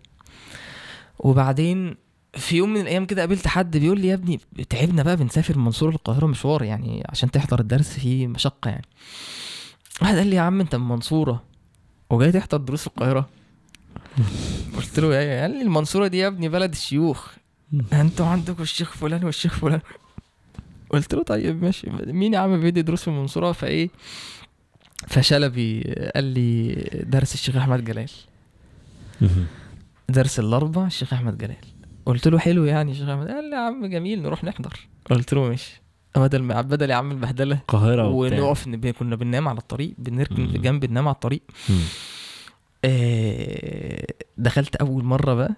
أول مرة أحضر درس الشيخ أحمد جلال دي بقى دي يعني احكي لنا بقى اول دي أول مرة بقى تخش درس بقى تحضر درس درس بقى أنت داخل عن درس قصد بمعنى درس يعني. آه. احكي لنا بقى. إيه دخلت المسجد. إيه طبعا أنا متعود على الدروس اللي هي تبقى إيه؟ درس في فيلا. مثلا درس في بيت. الدنيا حلوة كده يعني. يعني أنا متحفظ على الكلام يعني أنا يعني لا أقصد أي اهانه لأي حد من ال من في ال- اللي في الوسط ده. يعني لو دي البيئة اللي حواليك اللي أنت تسمع فيها دين اسمع. مم. يعني لو مش متاح حواليك غير ده آه، اسمع لكن آه، مع التحفظ إن هي مع مش التحفظ إن ممكن يكون في حاجات كتير خطأ فيعني لا تتلقى كل الأشياء بالقبول. حلو جدا حلو جدا. لأن في الآخر آه، أنا في الفترة دي كنت بشوف زي ما هقول لك دلوقتي اللي أنا فيه دلوقتي كنت بشوفه ده تشدد. قمة التشدد اللي في الخيال أوكي يعني وده مش عارف ده بيكون بقصد أو بغير قصد لكن ده أظن بتبقى ثمرة ثمرة كتير من آه، الخطاب اللي هو إيه من النوع ده أظن الناس اللي بتسمع هتبقى أكيد يعني إيه فاهمة أنا بتكلم في. إيه ومفلتره لكن طبعا. يعني إيه مش الهدف من الكلام إن إحنا نخوض فيه يعني أه أول مرة بقى إيه أول مرة دخلت درس الشيخ أحمد جلال. دخلت كده الجامع. أنا فاكر الدرس ده كان الشيخ بيتكلم عن سلسلة عن يوم القيامة. ماشي؟ الدرس كان اسمه النور التام يوم القيامة. كان بيتكلم عن الصراط. وأنا دخلت المسجد لقيت بقى ناس قاعدين جلاليب طوائي ودقون وشباب عاديين يعني في شباب زينا يعني.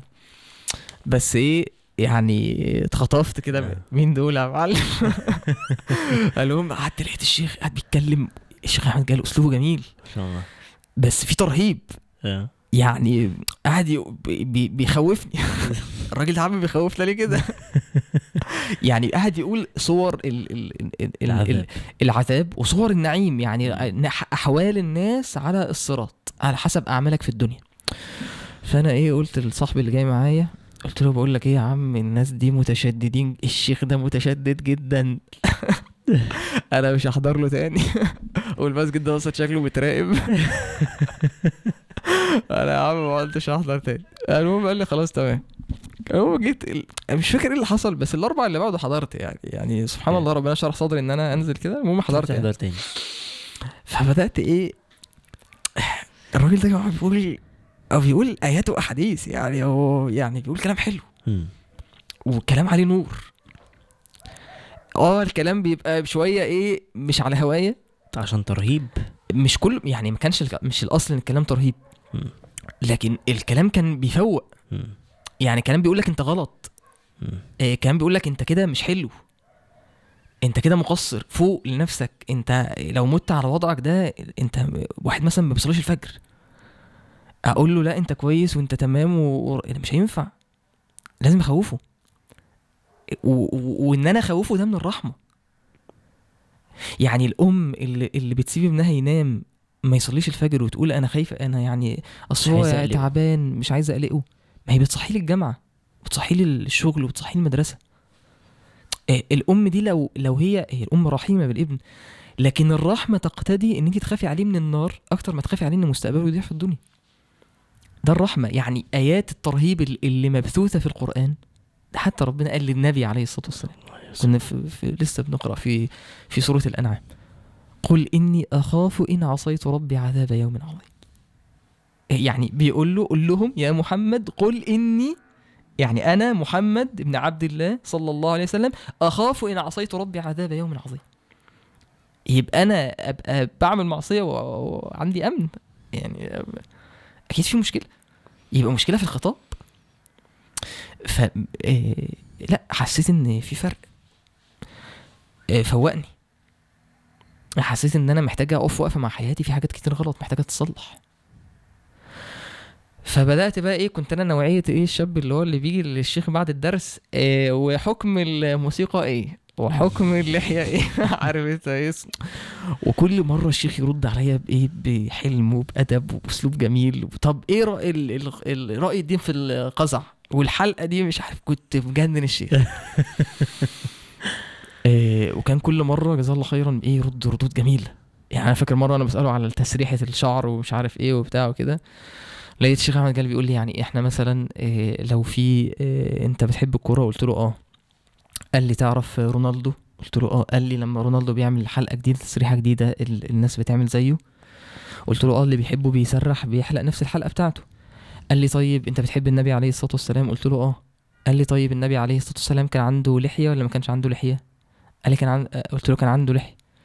قال لي طيب. النبي عليه الصلاة والسلام آه، آه، ما كانش شعره كده.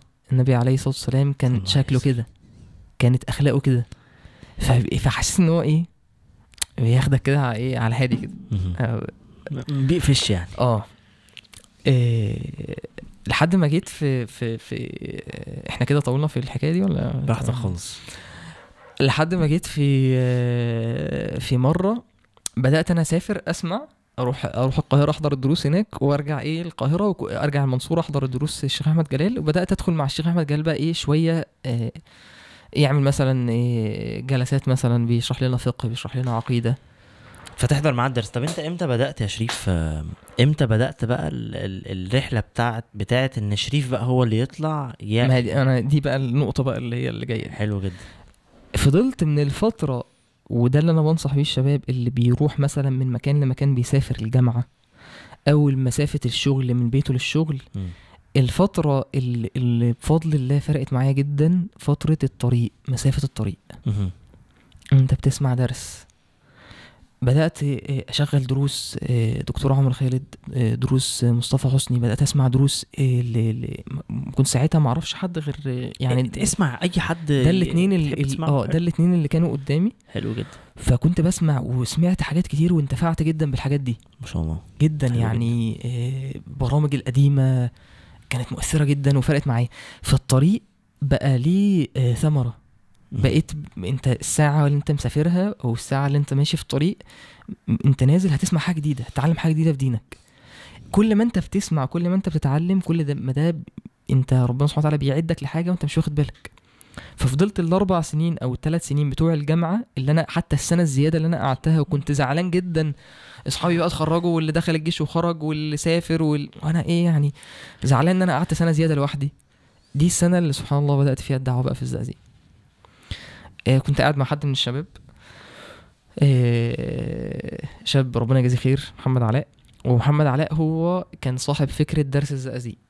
والدرس ما شاء الله من من يومها وهو إيه شغال يعني من آه، 2014 2014 2015 تقريبا يعني.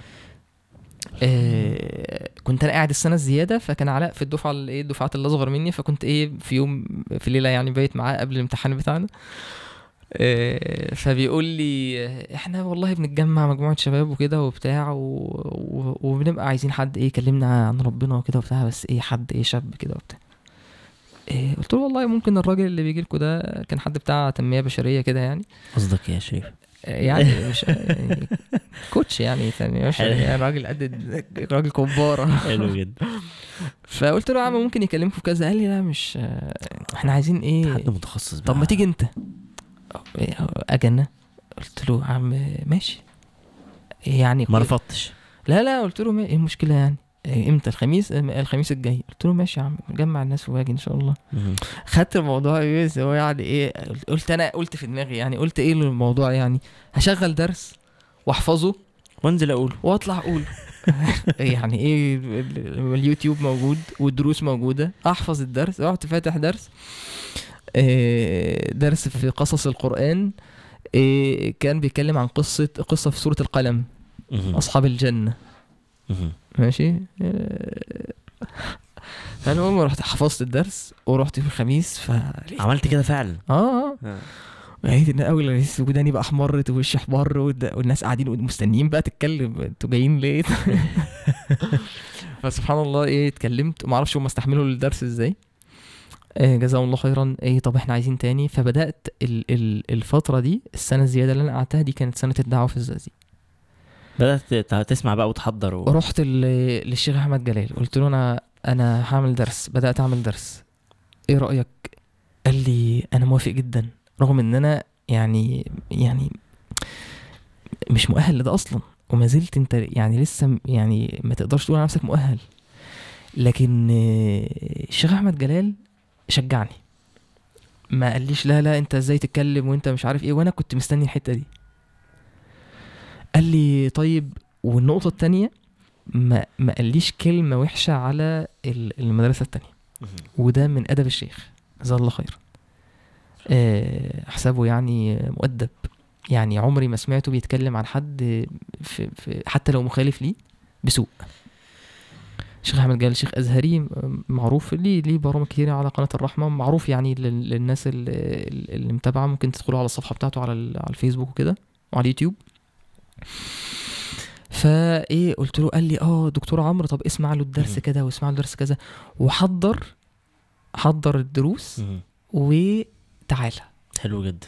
حضر ال- المادة وتعالى اسأل لو في حاجة عايز تسأل فيها. فاداني المساحة دي. حلو قوي فبدأت على الوضع ده كده سنة وبعدين جات لي فكرة ال ال كنت شايف شباب بيعملوا آه، videos على على على انستجرام بتاعت اللي كانت حاجات زمان كده اللي هي كوميدية ومش عارف إيه وبتاع. فلقيت الناس فيديو 15 ثانية وحاجات تفاهات والناس بتتفرج. حلو جدا. انت كنت بتعمل منها ولا إيه؟ لا لا. ف... فلقيت الناس بتتفرج فقلت يا جماعة طيب يعني ليه من واحد يطلع يقول يا جماعة يقول حديث يقول آية وتبقى اسمها Muslim Vines. و... وفيديو 15 ثانية والناس تشوفه. حلو قوي ف الشيخ أحمد جلال شجعني على الفكرة. إيه، وفضلت متردد. لحد لما لقيت إيه، الشيخ أحمد الباز منزل فيديو على على الفيسبوك لقيت فيديو كده جه قدامي دخلت إيه ده الراجل ده حلو ويقول كلام حلو ومش عارف إيه بتاع كان أظن أظن يعني والله أعلم الشيخ أحمد باز من أول الناس اللي عملت فيديوهات اللي هي الإيه اللي هي اللي في العربية كان بعدها على طول بقى إيه آه، أمير منير وإيه كله إيه دخل في ال... في ال... كانت فترة كده كله بدأ إيه يدخل في. السكة دي. ف... فقلت بس أنا عملت أول فيديو عن غض البصر. كنت مسافر سافرت رحلة كده مع أهلي في لشرم. وأنا إيه أول مرة أروح وأحس إن أنا إيه في حاجة غلط. شريف آه، عايزك آه، يعني نقف عند الحتة دي وتكلمنا بجد.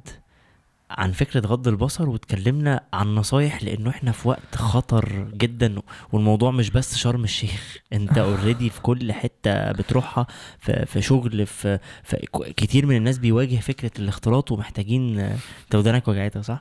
ومحتاجين بجد إن إحنا نتكلم عن غض البصر بتفاصيل. فنقف كده بقى ونتريث وإيه وكلمنا عن عن غض البصر يعني. وك- وك- وكلمنا عنه وكلمنا عن خطوات فعلية عملية عشان تساعد كل الناس اللي محتاجة ت- تشتغل على الحتة بتاعت غض البصر دي.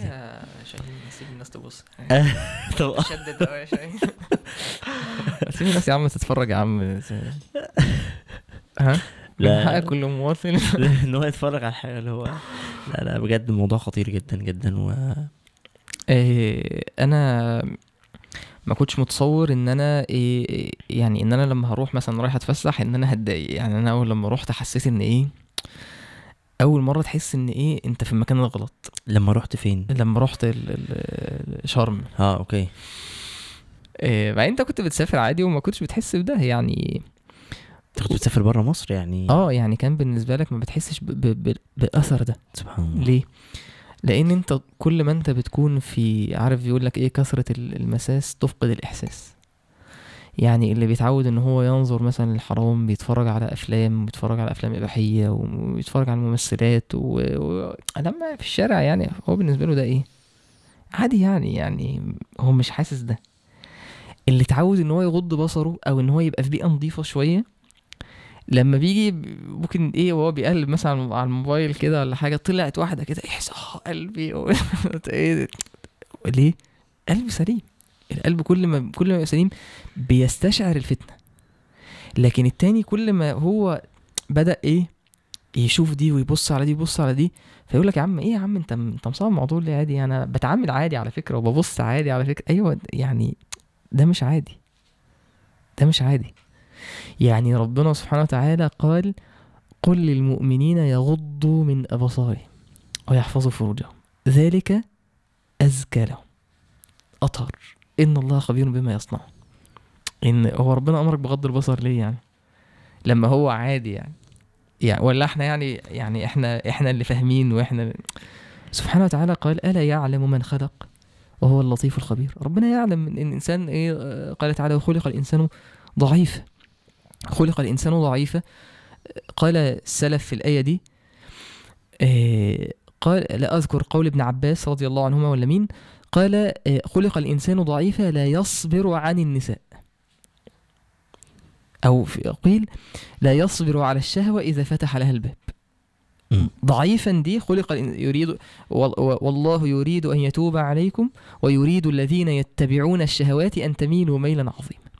يعني إرادة ربنا بيك إيه؟ والله يريد أن يتوب عليكم.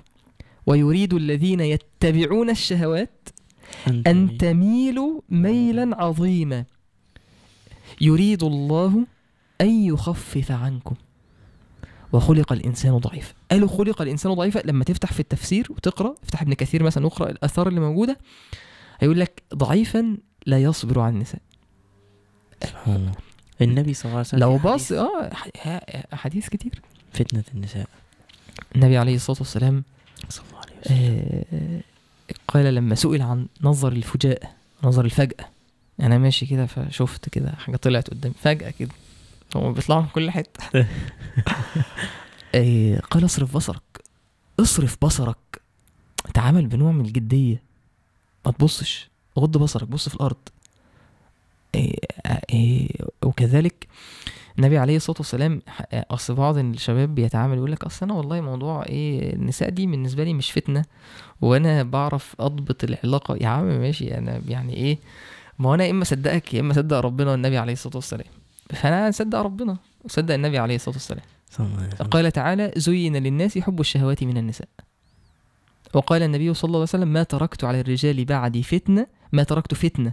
أضر على الرجال ما تركت بعدي فتنة أضر على الرجال من النساء. وقال صلى الله عليه وسلم إن الدنيا حلوة خضرة وإن الله مستخلفكم فيها فينظر كيف تعملون. فاتقوا الدنيا واتقوا النساء.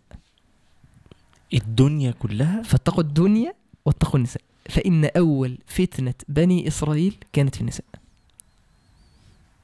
هو يعني أنا إنسان ضعيف أنا بداية أصلا التعلق وميل القلب و- والشهوة هي بدايتها في النظر يعني قال تعالى قل للمؤمنين يغضوا من أبصارهم ويحفظوا فروجهم ليه؟ لأن العلماء قالوا إن النظر ده البريد إلى الزنا واحد يقول لي يا عم زنا إيه؟ ما هي ما بتجيش كده. قال تعالى يا أيها الذين آمنوا لا تتبعوا خطوات الشيطان لا تتبعوا إيه؟ خطوات الشيطان. خطوات الشيطان. ومن يتبع خطوات الشيطان فإنه يأمر بالفحشاء والمنكر. من من خطوات الشيطان إن أنت تنظر الحرام. قال تعالى ولا تقربوا الزنا إنه كان فاحشة وساء سبيلا. لا تقربوا ما قالش إيه ما قالش ولا تزنوا لا. قال لك ما تقربش. طب أنا بسألك سؤال. يعني الشاب مثلا اللي بيسمعني دلوقتي وإحنا إيه بينا وبين بعض كده يعني. ها؟ يقول لي أصل أنا مصاحب وأنا وصاحبتي وكده وإحنا إيه بينا حدود مم. أنت مقتنع بالكلام ده؟ يعني أنت راجل يا شاهين راجل إيه محترم وإحنا هنا في إيه في الشوكاست شوكاست يا, عم حدود إيه؟ مش هنهزر طبعا حدود إيه إيه الح... فاهم؟ طيب إيه الحدود؟ يعني بتغض بصرك عن صاحبتك مثلا. طب ما لو أنت ما بتغضش بصرك ما ربنا أمرك بغض البصر. يبقى أنت مخالف للأمر ده. طيب هي بتتكلم معاك إزاي؟ مم. بتتكلم إزاي؟ آه، بترقق صوتها وبتتدلع وبتحبوا بعض في الكلام؟ إحنا ما بنتكلمش دلوقتي إيه يعني ما بكلمكش في ال- اللي بيحصل في الواقع. يعني أنا بكلمك إن أنا إيه أنت قاعد بتتكلم مع أبوك مثلا مع جدك فأنا إيه مش فاهم اللي بيحصل. فبقول لك إيه أنت بتكلم بتغض ما بتبص, بتبص لها وبتكلمها. بكلمك في البص والكلام. لكن إحنا فاهمين الواقع. صحيح. إحنا فاهمين الواقع. إيه إيه هي بتخضع بالقول. قال تعالى إيه فلا تخضعن بالقول. تخضعن يعني ترقق صوتها. يعني وأنت بتتكلمي مع راجل أجنبي أجنبي ده مش اللي هو أجنبي من بره يعني أجنبي ده اللي هو أجنبي عنك يعني ينفع يتجوزك. يعني آه، زميلك في الشغل. فلا تخضعن بالقول. فيطمع الذي في قلبه مرض. مرض. وقلن قولا معروفا. ده بيحصل؟ في بيئات الشغل؟ آه، بتلاقي إيه الهزار بالإيد واللمس وال... و... وبيئات أعلى من كده بقى يعني آه، أنت أكيد يعني إيه يعني يعني مطلع أكتر مني يعني. أنا راجل بشتغل في موقع فكله رجالة يعني الحمد لله. اللهم ارزقنا موقع رب. فكله يعني إيه عم محمد وعم يعني يعني خلاص.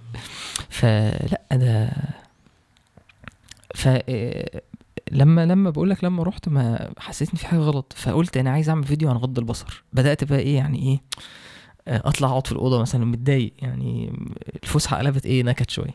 فقعدت أحضر وبتاع وقلت أنا هطلع أعمل فيديو. طبعا كان فيديو ضايع. ضايع يعني. هحط لكم ال link تحت الفيديو. لا لا لا.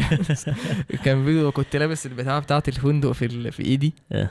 اللي هي أصلاً. فالناس قاعدة تقول لي حظاظ أنت طالع بحظاظة الشيخ طالع الفيديو بحظاظة ف المهم إيه رحت رافع الفيديو ونزلت ورحت رحت بره خرجت بره ال... ال- بتاع اللي إحنا كنا فيه ده resort ده وقعدت ألف بقى بره كده وبتاع رجعت لقيت في على الفيسبوك بقى إيه زخم ورسايل و... طب عايزين عايزين خطوات انت عايز ترجع لغض البصر أنا عايز آه يعني بصراحة عايز عايز خطوات الناس اللي بتسمع بص بص يا شاهين. إيه، أنا هقول لك على حاجة. واحد اتنين تلاتة ما أربعة آه، عشان مفيش حاجة اسمها مفيش حاجة اسمها في غض البصر. واحد اتنين تلاتة أربعة. غض البصر ده نتيجة. غض البصر ده نتيجة. إيه ال الإنسان بي بيستعين بالله على إيه ترك الحرام ماشي؟ إيه بيزداد الايماني يعني أنا كل ما كان إيماني عالي ال- إيه اللي بيتحكم في عينيك دي؟ قلبك. قلبك. مم. النبي عليه الصلاة والسلام قال في حديث النعمان بن بشير قال إن الحلال بين وإن الحرام بين وبينهما أمور مشتبهات فمن اتقى الشبهات فقد استبرأ لدينه وعرضه. فيقرب من ربنا. طيب لو هنقولها في خطوة يا شريف يعني واحدة من ضمن الخطوات المهمة إنه يقرب من ربنا سبحانه وتعالى دي هتعينه إن هو يغض. بصره؟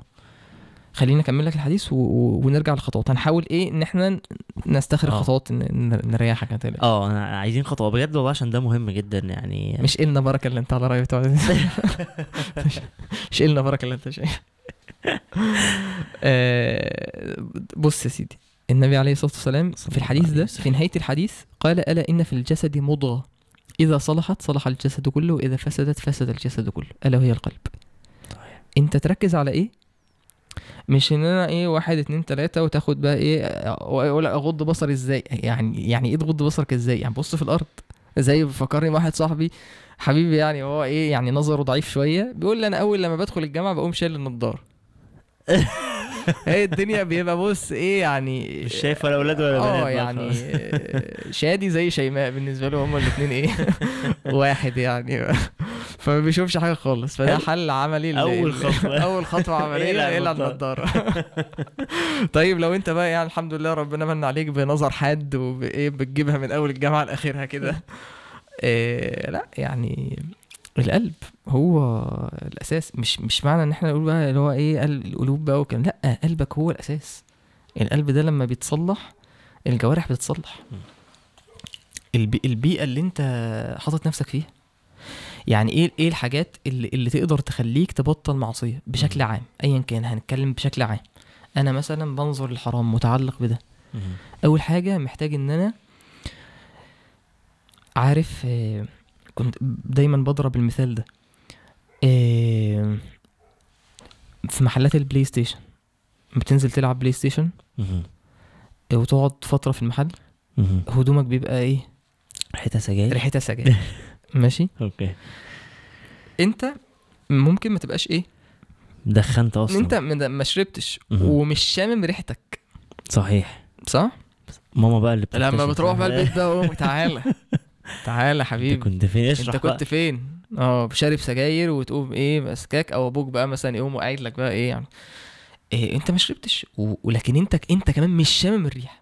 بعد فترة بقى لما بقى غير قلع الهدوم بتاعته وعلقها بقى مثلا ورا الباب يعني كان مم. يعني بيعلق مش زينا يعني إيه وغير غير ويعدي كده من جنب الهدوم يشم بقى الريحة. إيه اللي حصل هو اتحط في بيئة أو في حاجة تانية وضع مختلف ستيت مختلفة غير اللي هو كان فيها فبدأ أيوة، يشوف اللي هو كان هو فيه أيوه أنت طول ما أنت في جوه البكابورت مش هتعرف تشوف إن ده غلط مش هتعرف تشوف إن ده حرام. مش هتعرف تشوف ده ريحته وحشة أنت. اتعودت عليها حلو أوي لما بتطلع تروح بيئة نظيفة بتبتدي إيه ده إيه ده بجد ده, أنا كنت بعمل ده.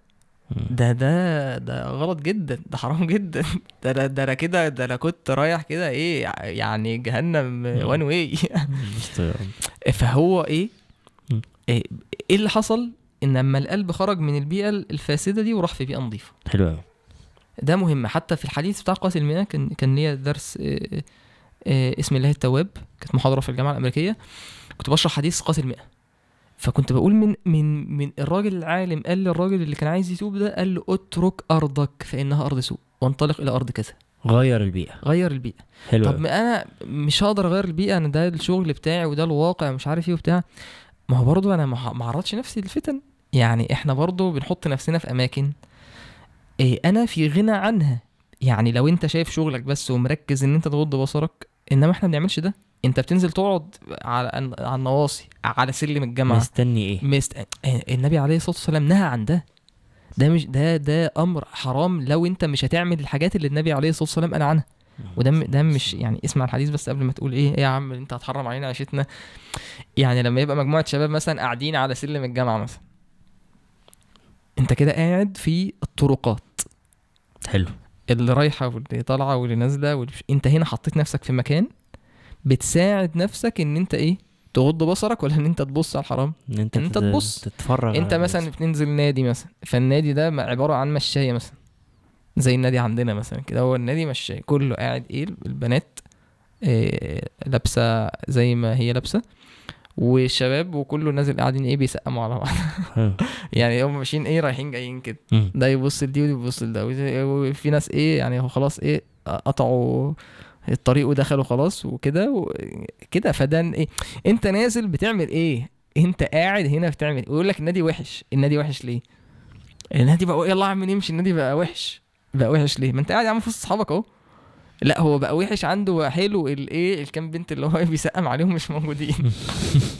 فمشيوا فالنادي بقى وحش. فهو قاعد بيستمتع بالنظر أصلا. ده اسمه الجلوس في الطرقات. تمام. النبي عليه الصلاة والسلام قال إيه؟ صلوا على النبي. قال إياكم والجلوس في الطرقات. إياكم والجلوس في الطرقات. قالوا يا رسول الله ده بيقول الكلام ده لمين؟ ها مش إحنا. يعني مش لا بيقول الكلام ده للصحابة. مم. المهاجرين والأنصار. قال لهم ما تقعدوش في الطريق. قالوا يا رسول الله مجالسنا ما لنا بد نتحدث فيه. قال له إحنا لازم نقعد بنقعد قدام الايه عارف إيه، قدام الدوار كده وبتاع نقعد نتكلم مع بعض مش هينفع.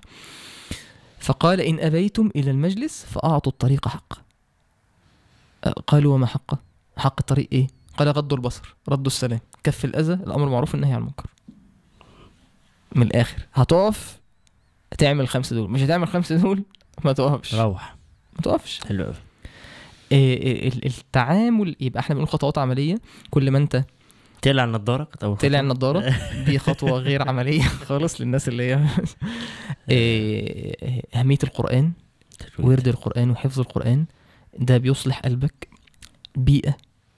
لو أنت مش هتقدر تغير البيئة على الأقل يكون في بيئة موازية. يعني يبقى بتخرج من دي تروح تتنقع في البيئة التانية. لازم. حلو قوي عارف اللي عايز أروح كده إيه حد كده يمرشني ويغسلني بس, نضفوني أنا عايز اتوب. ده لازم يبقى موجود. حلو قوي لأن ال- الدنيا مطحنة. مطحنة.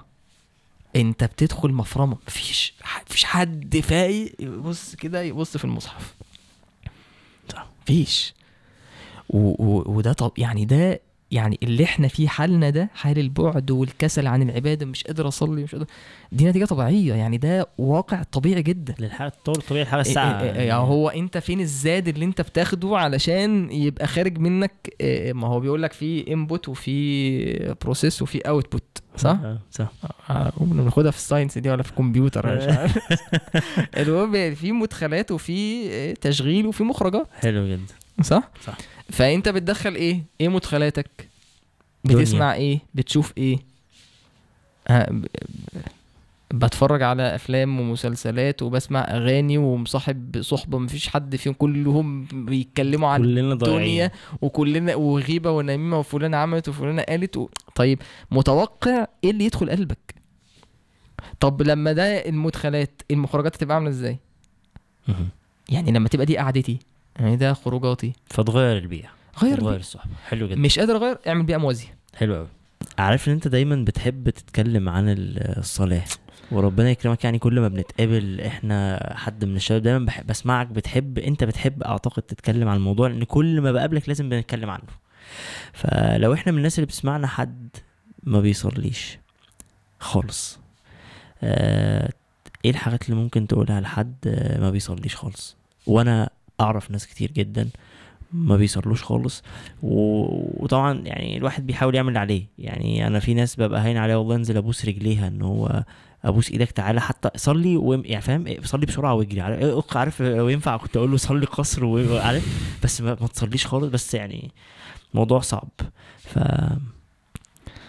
المايك معاك. لا أنا هحط السماعة دي عشان والله يا شاهين آه، أول حاجة يعني إحنا قبل قبل ما نخاطب الناس دي لازم نستشعر نعمة ربنا سبحانه وتعالى علينا.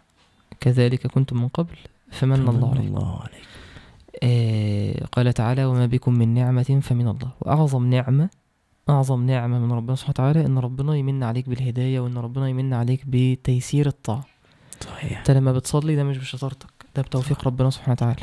صحيح. فإن ربنا ييسر لك إن أنت تقف بين إيديه وإن أنت تصلي ده ستر من ربنا. آه، نعمة واصطفاء آه، تستوجب شكر. ولو الإنسان قعد طول حياته يشكر ربنا على نعمة الصلاة ما يوفيش ربنا حقه. آه، الصلاة هنقول إيه؟ يعني النبي عليه الصلاة والسلام لما جه يتكلم عن الصلاة قال الصلاة نور. الصلاة نور. الصلاة نور يعني نور في في يقول لك نور في وجه المؤمن يوم القيامة. إن أمتي يدعون يوم القيامة غرا محجلين من أثار الوضوء. جايين منورين. الصلاة نور. نور في قلب المؤمن في الدنيا. نور على الصراط. نور. قال تعالى يوم ترى المؤمنين والمؤمنات يسعى نورهم بين أيديهم وبأيمانهم. بشراكم اليوم. نور.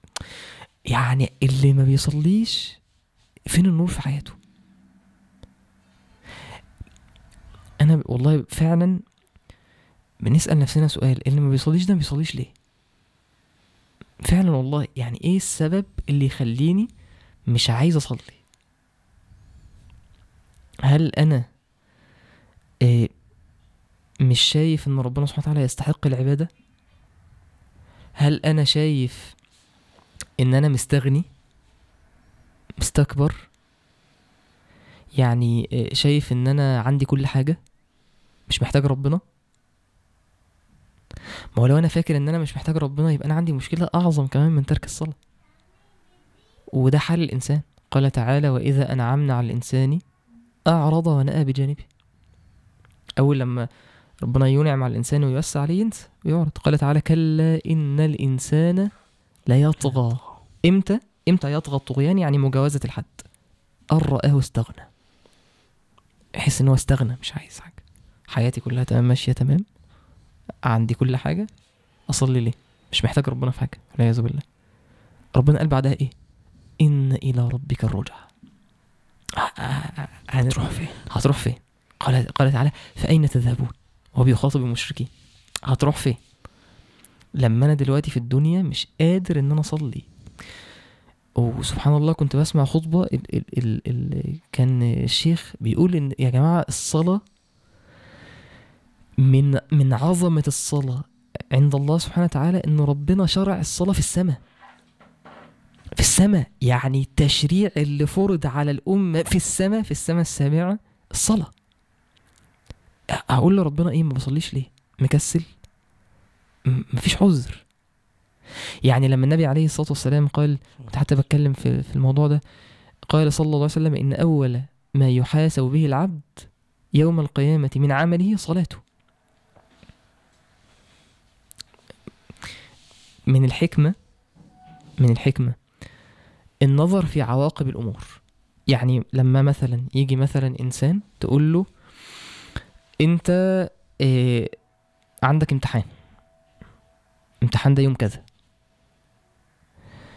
هو فاهم إن هو لو ذاكر هيعرف يحل. فعاقبة المذاكرة إيه؟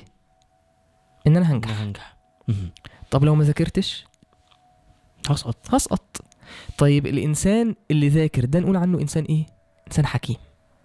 ليه؟ لأن هو نظر في عاقبة الأمر في مقال وضع الأمر في موضعه طب والإنسان اللي يبقى فاهم إن أنا لو ما ذاكرتش هسقط وما يذاكرش بغض النظر يعني عن إيه اخوانا يعني. إيه إيه إيه يبقى ده مش حكيم. صح. هنا فقد الحكمة. فقد الحكمة. فلما أنا أبقى عارف وسامع النبي عليه الصلاة والسلام في حديث صحيح. ومتأكد إن النبي عليه الصلاة والسلام قال كده ويقول إن أول ما يحاسب به يحاسب به العبد يوم القيامة من عمله صلاته فإن صلحت أو فإن صلحت فقد فإن صلحت فقد أفلح وأنجح. وإن فسدت فقد خاب وخسر. وما صليش. يعني أول حاجة بسم الله الرحمن الرحيم هتسأل عنها. تعالى بتصلي. مش موجودة؟ بتصلي. ما بصليش. في حديث معاذ قال النبي صلى الله عليه وسلم لمعاذ. حديث طويل. وبعدين بيقول له إيه؟ قال رأس الأمر الإسلام. وعموده الصلاة. يعني أنا مش بضيع حاجة مثلا إيه بضيع مثلا إيه إماطة الأذى عن الطريق. وإماطة الأذى عن الطريق شعبة من شعب الإيمان. يعني مش. بن مش بنسفه من العمل. لكن أنت بتضيع حاجة مش حاجة فرعية. أنت بتضيع ال- العمود اللي الإسلام قايم عليه. يعني لما تضرب العمود ده الإسلام يقع. النبي عليه الصلاة والسلام قال العهد الذي بيننا وبينهم الصلاة. صلاة فمن تركها فقد كفر. وقال صلى الله عليه وسلم بين الرجل وبين الشرك والكفر ترك الصلاة. يعني مفيش هزار. مفيش هزار. مفيش مفيش حاجة اسمها أنا أنا ما بصليش. أنت كده حاطط نفسك في دايرة خطر جدا. مش هينفع إن أنا أقول لك كلام أغشك مم. مش هينفع. مش هقدر. يبقى أنا كده بخدعك. يبقى أنا كده بخون الامانه لما أقول لك إن أنت وضعك هيبقى كويس لأ مش هيبقى كويس خالص. الإنسان اللي ما بيصليش ده اللي ال ال النبي عليه الصلاة والسلام قال اسمع. وقبل ما نقول الحديث تخيل إن أنت في يوم من الأيام بلاش أنت أي حد مننا في يوم من الأيام راجع من الشغل بتاعه فجأة لقى بيته ولع. والعياذ بالله. وأهله كلهم ماتوا. وخسر كل فلوسه. إيه المصيبة دي؟ في مصيبة في الدنيا تبقى أعظم من ده؟ ده طبعا. اللي هو فقد كل شيء في لحظة. المصيبة دي مصيبة ترك صلاة واحدة اللي هي صلاة العصر. أعظم عند الله. قال صلى الله عليه وسلم. من ترك صلاة العصر فكأنما وتر أهله وماله.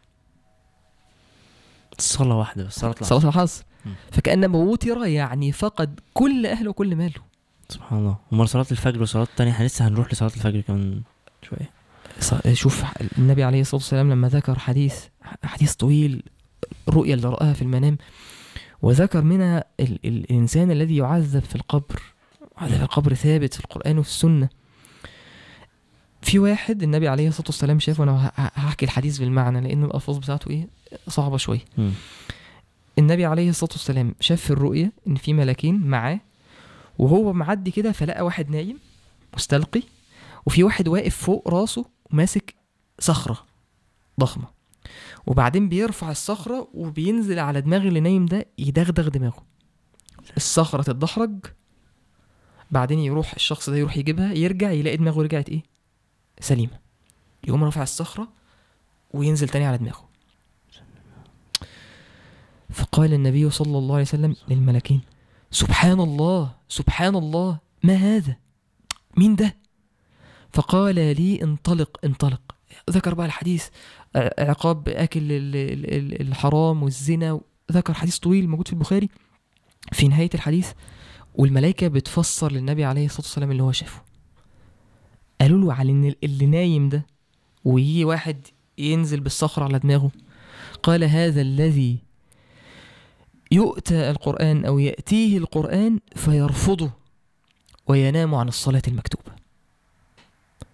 يرفض القرآن يرد الوحي. كلام ربنا مش عايز.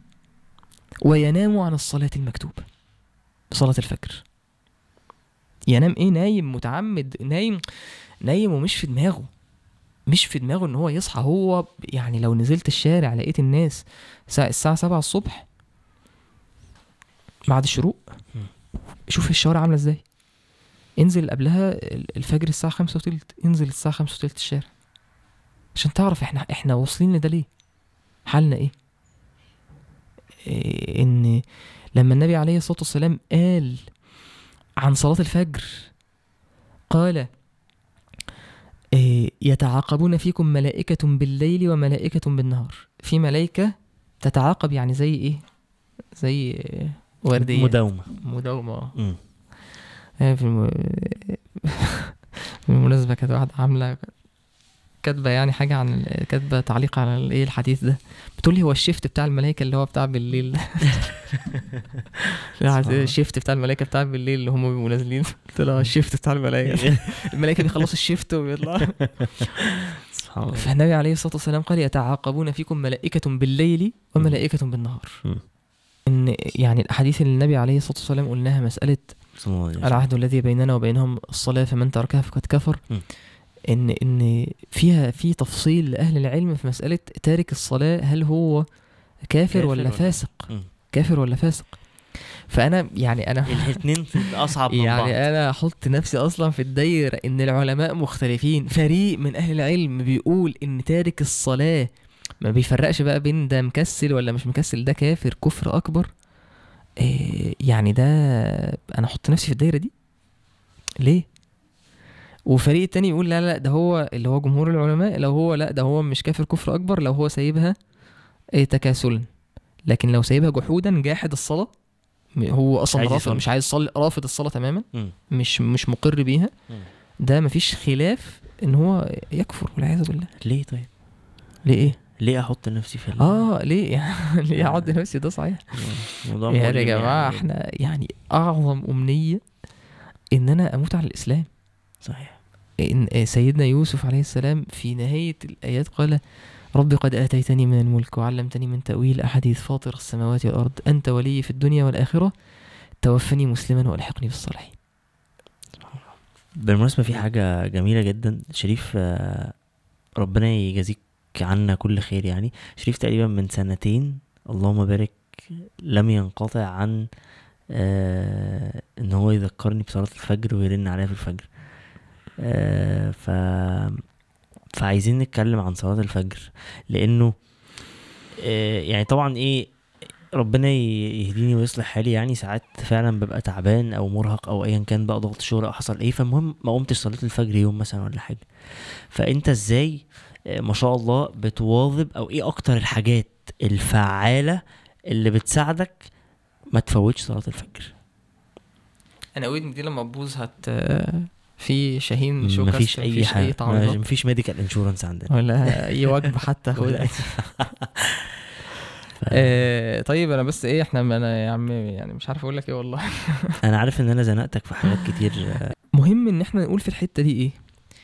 إن يا جماعة لما أنا أقول لك صلي أو لما النبي عليه الصلاة والسلام يأمرنا بالصلاة وربنا سبحانه وتعالى يأمرنا بالصلاة اللي هو أصلا في بداية القرآن ذلك الكتاب ولا ريب فيه هدى للمتقين. صفاتهم إيه؟ الذين يؤمنون بالغيب ويقيمون الصلاة. ومما رزقناهم ينفقون. آه الأمر ده مش علشان ربنا سبحانه وتعالى آه، آه، هياخد منك حاجة. يعني لما أنت تسيب شغلك وتروح تصلي لله سبحانه وتعالى أنت المستفيد. وهنا محتاجين نعمل زي إيه ظابطة كده للناس اللي اللي بتفضل الشغل عن الصلاة. ويقول لك يا عم العمل عمل عبادة يعني. إحنا إحنا بنعمل انت عايزنا يعني ناكل من الحرام وانت عايزنا نموت من الجوع ومش عارف إيه ونسيب شغلنا بقى ونقف بقى نروح نصلي في الجامع و... انت أصلا بس رتب كده الأولويات كده. انت صاحي الساعة 7 الصبح رايح تعمل إيه؟ هشتغل أيوه تشتغل. بت... بت- بتطلب إيه؟ فلوس. تطلب فلوس رزق. صحيح. مين اللي بيرزقك؟ الله. الله سبحانه وتعالى. صحيح. طيب اللي بيرزقك الفلوس قال لك اعمل إيه؟ تعالى صلي. تعالى صلي إمتى؟ الفجر. فجر فانت إيه؟ نايم. وصاحي الصبح رايح تطلب الرزق. فنده عليك. نداء. الله أكبر. الله أكبر. حي على الصلاة حي على الفلاح. وانت تقول له لا أنا بشتغل. شو؟ يا عم انت إيه هو اللي بيرزقك أصلا. طيب مبدئيا أول حاجة أنصح إن أنت تسمع عن فضل صلاة الفجر. يعني إحنا ممكن المكان ما يتسعش الوقت ما يتسعش إن إحنا نفصل في في فضل صلاة الفجر لكن يكفي إن النبي عليه الصلاة والسلام. آه، قال عن صلاة الفجر وصلاة العشاء قال لو يعلمون ما في العتمة والصبح لأتوهما ولو حبوا يزحفوا يعني لو تعرف الثواب والفضل اللي موجود في صلاة الفجر هتنزل إيه؟ تزحف. أنا مش هسألك أقول لك إيه اللي ممكن يخليك تنزل من بيتك تزحف. يعني لو أنت مش قادر تمشي. إيه اللي ممكن يزحفك؟ ماشي؟ سألنا الشباب قال لي يا عم ولو حط 500 جنيه في نص الشقة هنزل زي الايه التعبان كده. فضل صلاة الفجر آه، من صلى الصبح فهو في ذمة الله. من صلى العشاء في جماعة فكأنما قام نصف الليل. ومن صلى الفجر في جماعة والصبح في جماعة فكأنما قام الليل كله. في حفظ ربنا وتأييد ربنا سبحانه وتعالى. دي المعركة اللي بينك وبين الشيطان كل ليلة. يعقد الشيطان على قافية رأس أحدكم إذا هو نام ثلاث عقد. عليك ليل طويل فارقد سبحان الله هو مش عايزك تصلي الفجر ولا قيام. الليل. ماشي إيه طيب إيه الخطوات العملية.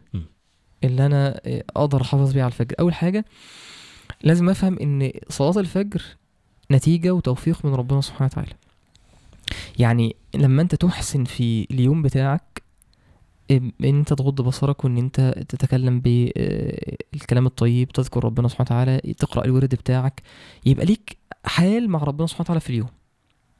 الدعاء بتكون ثمرة اليوم ده إن ربنا سبحانه وتعالى يوفقك لصلاة الفجر. ودي. نقطة بتغيب عن كتير من الناس إن هو بياخد بالأسباب لكن بينسى إن هو يعتمد على ربنا سبحانه وتعالى ويتوكل على الله. ماشي. فأول حاجة اجتهد في الدعاء. أصدق مع ربنا سبحانه وتعالى وربنا يوفقك. تاني حاجة آخد بالأسباب. ما ينفعش إن أنا أقول إن أنا إيه عايز أصلي الفجر والفجر دلوقتي متأخر في الشتاء. إيه وأسهر وأقضي من بعد العشاء سهرات في الحرام وبعدين أقول أنا عايز أسهر عايز أصحى الفجر. ونايم الساعة واحدة والساعة اتنين وتصحى الفجر مش تقدر. هتبقى الصلاة تقيلة عليك. فأنت محتاج إن أنت تضحي وتنام بدري. لازم تعمل ده. انت عارف نفسك. أنا عارف ان أنا مثلا والله أنا محتاج أربع ساعات آه عشان أقدر اصحى عشان افوق مع المنبهات. أقل من كده مش هستوعب.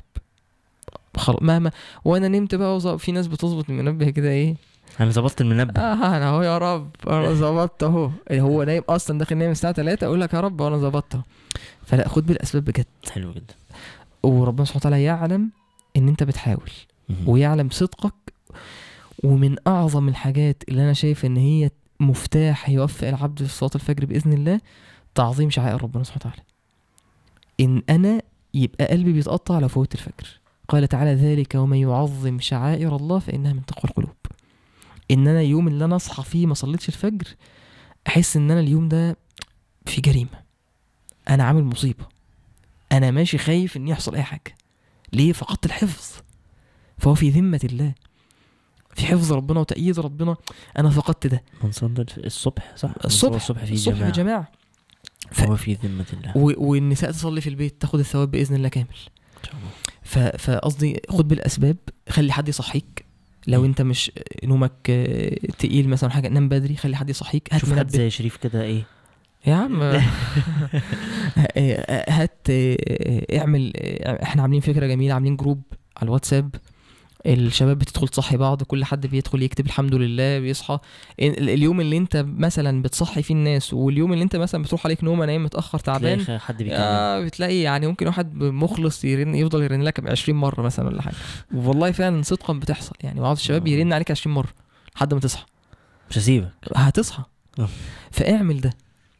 إيه، هات منبه قوي لو انت وحطه بعيد عنك. إيه، ادعي. يعني خليك مشغول بده. إحنا مشكلتنا إن إيه، العبادة سهلة العبادة ميسرة لكن اللي عايز اللي عايز يوفق ليها.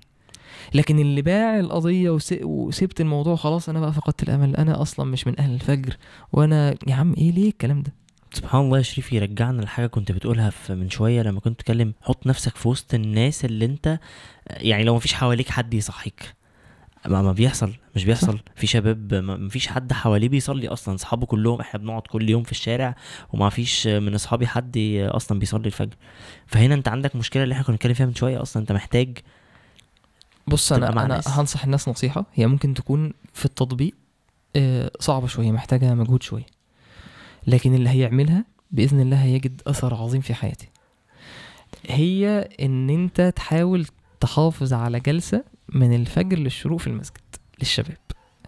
يعني إن أنت تربط نفسك بالمسجد يبقى في عمل مثلا مقرأة لو أنت متاح ليك ده.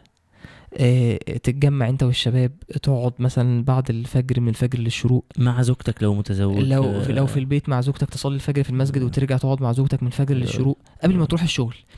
أنا ليه بقول ده؟ لأن كتير من الناس حياته مثلا ممكن يقول لك يا عم أنت بتقول أنت واقع حياتك غير واقع حياتي أنا راجل مطحون في الشغل ومش عارف إيه. حط لنفسك ثوابت في اليوم بتاعتك. مش مش بتكلم حاجة موسمية مش العبادة تبقى بالنسبة لك إيه ما إيه في رمضان, رمضان دخلنا. 10 لأ. اواخر حط لنفسك في اليوم بتاعك ثوابت ده الذات بتاعك. قول يا جماعة أنا الوقت ما تديش لربنا فضول وقتك. ضحي عشان دي. إيه المشكلة إن أنا اضحي بخروجة؟ إن أنا الوقت من المغرب للعشاء ده هقعد في المسجد. هقعد انتظار الصلاة بعد الصلاة. ده ساعة. ساعة. مش هتحس بيها. انت وانت قاعد في المسجد تحس إن الدنيا مقلوبة عليك بره. وفي الآخر هتطلع مش هتلاقي في حاجة يعني. آه. الموضوع- بسيط يعني. يعني بس هو الشيطان عايز يخرجك. آه. اقعد. قول مثلا أنا ليا وقت وأنا رايح الشغل هبتدي مثلا إيه أسمع قرآن أردد الآيات وأحفظ مثلا. حلو ده لو- هقرأ الورد بتاعي وأنا في الطريق. حلو يبقى اللي أنا عايز أقوله إن أنت تخرج إن أنا في وسط اليوم بتاعي هدخل العبادة. حلو جدا ما شاء الله. دين دين عملي. هذكر ربنا سبحانه وتعالى. هخلي ليا اليوم قبل ما أروح الشغل انام بدري شوية معلش وخلي خلي من الفجر للشروق ده وقت ده حالك مع ربنا سبحانه وتعالى. أنا أعرف حد من حد من أهل العلم مشايخ عنده وقت من بعد الفجر لبعد لحد الشروق ده ده ما بيتكلمش مع حد فيه. يعني حتى تيجي الطلبة حد عايز يسأله ده الوقت بتاعي. مش عايز أتكلم مع حد. ده الوقت أنا بقول فيه الأذكار وبقرأ فيه الورد وبذكر فيه ربنا وارجع فيه الحفظ بتاعي ده مع نفسي. محتاج يبقى كل يوم ليك وقت زي ده. الناس اللي, اللي, اللي أنت وزوجتك في البيت رجع بقى أيام زمان بقى. يعني أنت تقعد إيه المشكلة لما تجيب كتاب رياض الصالحين تجيب كتاب حديث تعمل مقرأة أنت وهي في البيت. أنا بقول الكلام ده لنفسي وبذكر بيه. الناس ال- ال- ال- المتزوجين اعمل ده. جدد ال- الإيمانيات في بيتك. خلي يا عم الملائكة تدخل البيت اقف مع مراتك صلي ركعتين بالليل افتح مش حافظ حط مصحف اشتري مصحف كده وهيئ لنفسك جو شجع نفسك على الطاعة يا أخي. املى البيت ملائكة كده بدل ما الأغاني شغالة والأفلام شغالة دخل ملائكة البيت. يعني هيئ جو للطاعة. ال- الفتن صعبة يا جماعة. وفي الآخر كلنا هنموت. يعني نهاية الكلام وده مش كآبة ومش عارف ده واقع. كل نفس ذائقة الموت وإنما توفون أجوركم يوم القيامة فمن زحزح عن النار وأدخل الجنة فقد فاز. وما الحياة الدنيا إلا متاع الغرور. فنختم بده. لازم يكون لازم يكون لك ثوابت من الأعمال الصالحة يوميا. لو ما عندكش ثوابت الدنيا ما بتتوصاش. هتزق أي حاجة. ثبت. حتى لا أنت يبقى ليك ثوابت من العمل كمان. عمل عمل دعوي. يعني أنا مثلا إيه إيه والله ربنا من عليا مثلا بالقرآن. إيه المشكلة إن أنا أجمع أطفال مرة في الأسبوع مثلا ولا حاجة في المسجد اللي جنب البيت وأقعد أحفظهم؟ انت بنت مثلا إيه إيه المشكلة لما تجمعي بنات زميلاتك مثلا أو أطفال صغيرين في العيلة وتقعدي تعلميهم؟ حلو جدا. اعمل ده. لما تربط نفسك بعمل دعوي لما تربط نفسك بعمل صالح أنت مثبت نفسك فيه مش لعبة ده قدام هيعمل فيك إيه؟ هيأثر فيك جدا. هيربطك ان انت آه ده أنا عايز ده أنا ملتزم بعمل. هتشوف بركة ده في حياتك هتشوف بركة ده في رزقك بركة ده في بيتك. وهيخليك عايز آه ده أنا عايز أتعلم علشان أعلم الناس. فده اللي نوصي بيه. صحيح. الله خيرا طب بقول لك إيه؟ بمناسبة بمناسبة إن إحنا اتكلمنا عن إن أنت بقى وداني ت- حمرا؟ ت- آه ودانك حمرا جدا.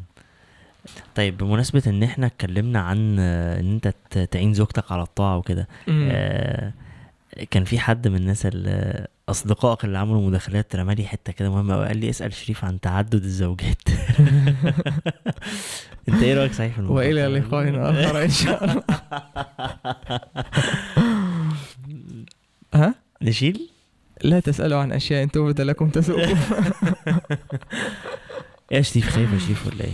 يا عم أنا تتكلم. راجل مصري مواطن مصري أصيل. وعندي حقوق مصرية. وعندي حقوق مصرية. لا ده محتاج حلقة ده الموضوع ده محتاج حلقة. ها؟ مش هينفع ده أنت ده. أنت عايز الفيمينيست يطلعوا علينا كده لا يدمرونا. إحنا جامدين قوي ومسيطرين قوي والأدلة معانا. أصل أنا عايز أمسك عليك حاجة في الحلقة ما مش هسيبك. طب بقول لك إيه؟ طب خلينا نتكلم عن خلينا ناخد بتاع تعدد الزوجات. الكاميرا هتفصل. خلينا ناخد تعدد الزوجات في في حتة تانية أو في وقت تاني. آه. آه عشان ما بقاش بزنقك في كل حاجة كده إجباري. هناخده عملي. كلمنا عشان إيه؟ ما تعرف تروح تدخل البيت. ماشي. كلمنا عن أنا موضوع الكورة في حياتك يعني مريب عارف؟ يعني دايما شريف يا جماعة شريف الكوره حتى الناس اللي أصدقاء قال لا شريف ده هو اللي بيجيب لنا الأجوان ف عايز أعرف أكتر الصراحة. لا يعني أنا بحب ألعب كورة جدا والحمد لله يعني يعني آه، كنت يعني بحاول إن أنا يعني إيه أكمل في في المجال يعني لكن أصلاً. إيه آه يعني بس أنا يعني إيه مش ما- هزار يعني؟ آه يعني لعبت فترة قعدت فترة إيه يعني من وأنا صغير بحاول إن أنا أروح إيه التمرينات و... و... والتحق بالنوادي وكده ومش عارف إيه و... وقعدت فترة في الزقازيق كنت بسافر آه، أروح إسكندرية بتمرن في حرس الحدود وارجع إيه على الزقازيق عشان ال- ال- ال- الجامعة وكده. وبعدين بعدها إيه كان ليا قصة يعني مع إيه ده ده محمد صلاح المنصورة ده ولا إيه؟ آه قصة مع قصة مع حرس الحدود ظريفة خلاص يعني. فضلت أتمرن يعني مدة طويلة وخلاص مستني بقى التأييد في آه. شهر واحد وخلاص آه. يعني كان هي- تعيد في نادي أيوه اتأيد آه. في النادي خلاص الفريق آه، كان أنا مواليد 92 والفريق كان 91 مم. وبعدين إيه قعدت ألعب آه، يعني فترة وماشي معاهم في التمرين يعني وكده كان فريق قوي جدا ما شاء الله يعني كان فريق آه. آه، الفريق الحرس ده كان فريق قوي يعني. آه، الناشئين ده. فبعدين إيه فضلت بقى ماشي وخلاص بقى متعشم إن أنا يجي شهر واحد وهتأيد وبتاع ف كان في حاجة يعني جملة مشهورة قوي اللي هو إيه الكابتن مبسوط منك ويقول لك ما تجيش تاني.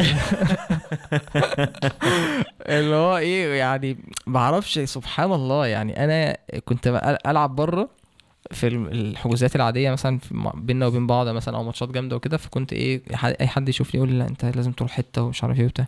كنت أمشي في التمرينات وألعب ومش عارف بتاع آه، سبحان الله يعني مفيش توفيق يعني.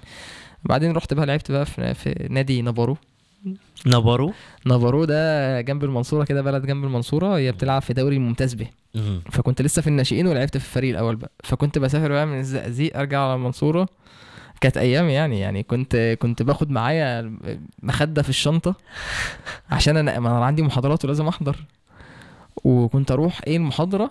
اقوم حاطط المخدة ونايم. عندي تمرين الساعة 3 ومسافر المنصورة الحياة اولويات آه يعني واضح يعني. اقوم حاطط المخدة وإيه يا جماعة لما الدكتور ياخد الغياب صحوني.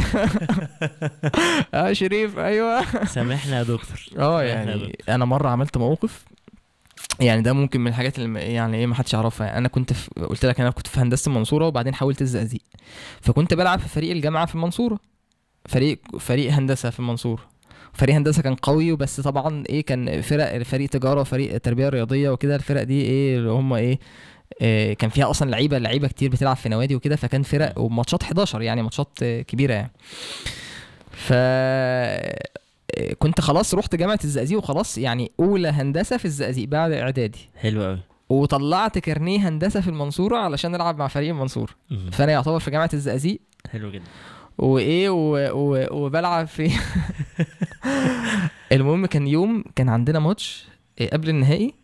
في الاستاد بقى استاد الجامعة وملعب كبير وماتش جامد وهنلاعب بقى إيه تقريبا تجارة أو مش مش متذكر يعني آداب تجارة. هو كان إيه هندسة وآداب وتجارة وتربية رياضية هم دول دايما إيه في المربع الذهبي يعني. قوي المهم كان عندي midterm رسم وعايز ألعب ماتش midterm رسم في الزقازيق.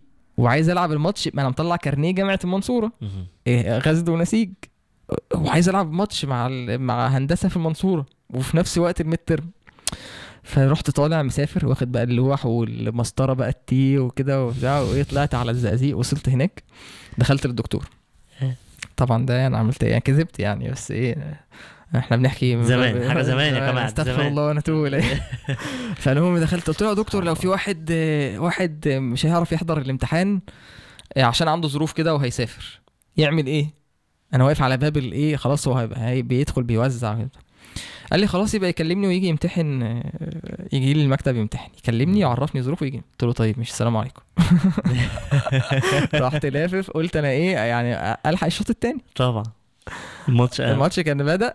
أنا يا دوب خدت الطريق من المنصوره للزقازيق طاير. رحت على استاد الجامعة دخلت كان معايا اللبس ورحت داخل مغير ونازل من الشوط التاني. نزلت. نزلت. بص إجرام يعني. نزلت الشوط التاني والماتش ده كسبنا. آه، كنا خسرانين تقريبا اتعادلنا ولعبنا extra time وبعدين لعبنا ضربات جزاء. كان مطرود مننا باين واحد أو حاجة زي يعني. كان ماتش كده مش متذكر قوي الأحداث يعني. المهم يعني كسبنا إيه في ضربات الجزاء؟ فده كانت من المواقف الطريفة يعني. المهم في الآخر يعني ما كملتش يعني. يعني لعبت في نابارو شوية في الدوري الممتاز به وما كنتش موفق فيها يعني. بس أنت لغاية دلوقتي بتلعب؟ آه على طول. بقول لك أنا محضر لك مفاجأة هقول لك عليها آه. بعد الحلقة عشان هتبقى مفاجأة للناس كمان لأن هي حاجة هتتسجل وليها علاقة بالكورة وبتاع.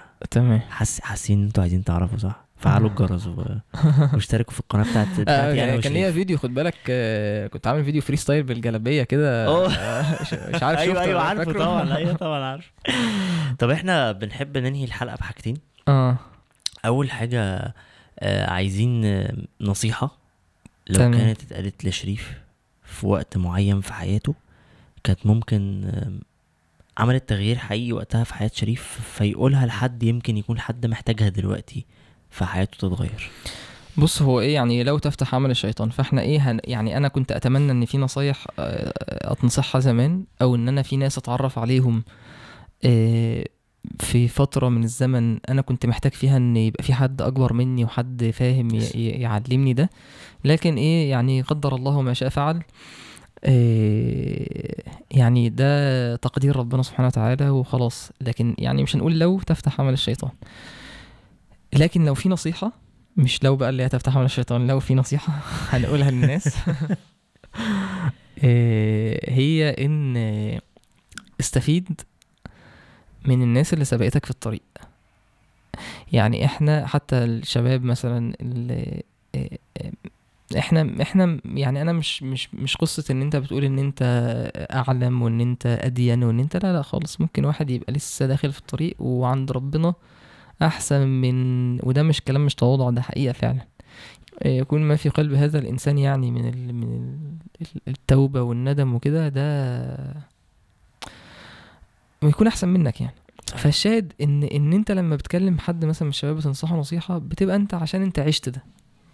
فأنا يا ابني بقول لك مش يا ابني يعني مش قصدي يعني. فأنا بقول لك إيه إن أنا شفت ده. وشفت كتير من من صحابي مشي في الطريق ده.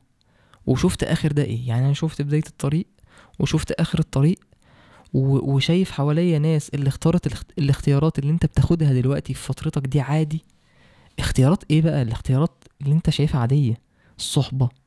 تصاحب مين؟ تخرج مع مين؟ إيه إيه علاقتك بالبنات.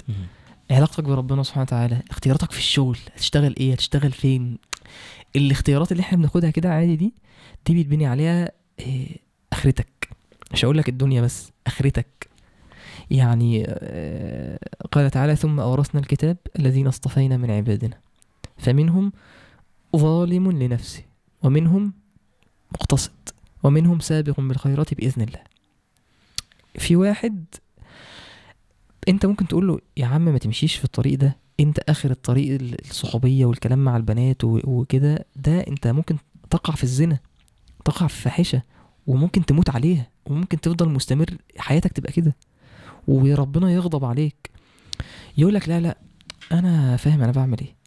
فهو مكمل يا عم أنا بقول لك الطريق ده آخره حيطة سد مش لازم مش لازم تمشي وتفضل ماشي لحد الآخر. لحد لما تخبط في الحيطة وبعدين ترجع تقول آه ضيعت فيها دي خمس ست سنين من عمرك.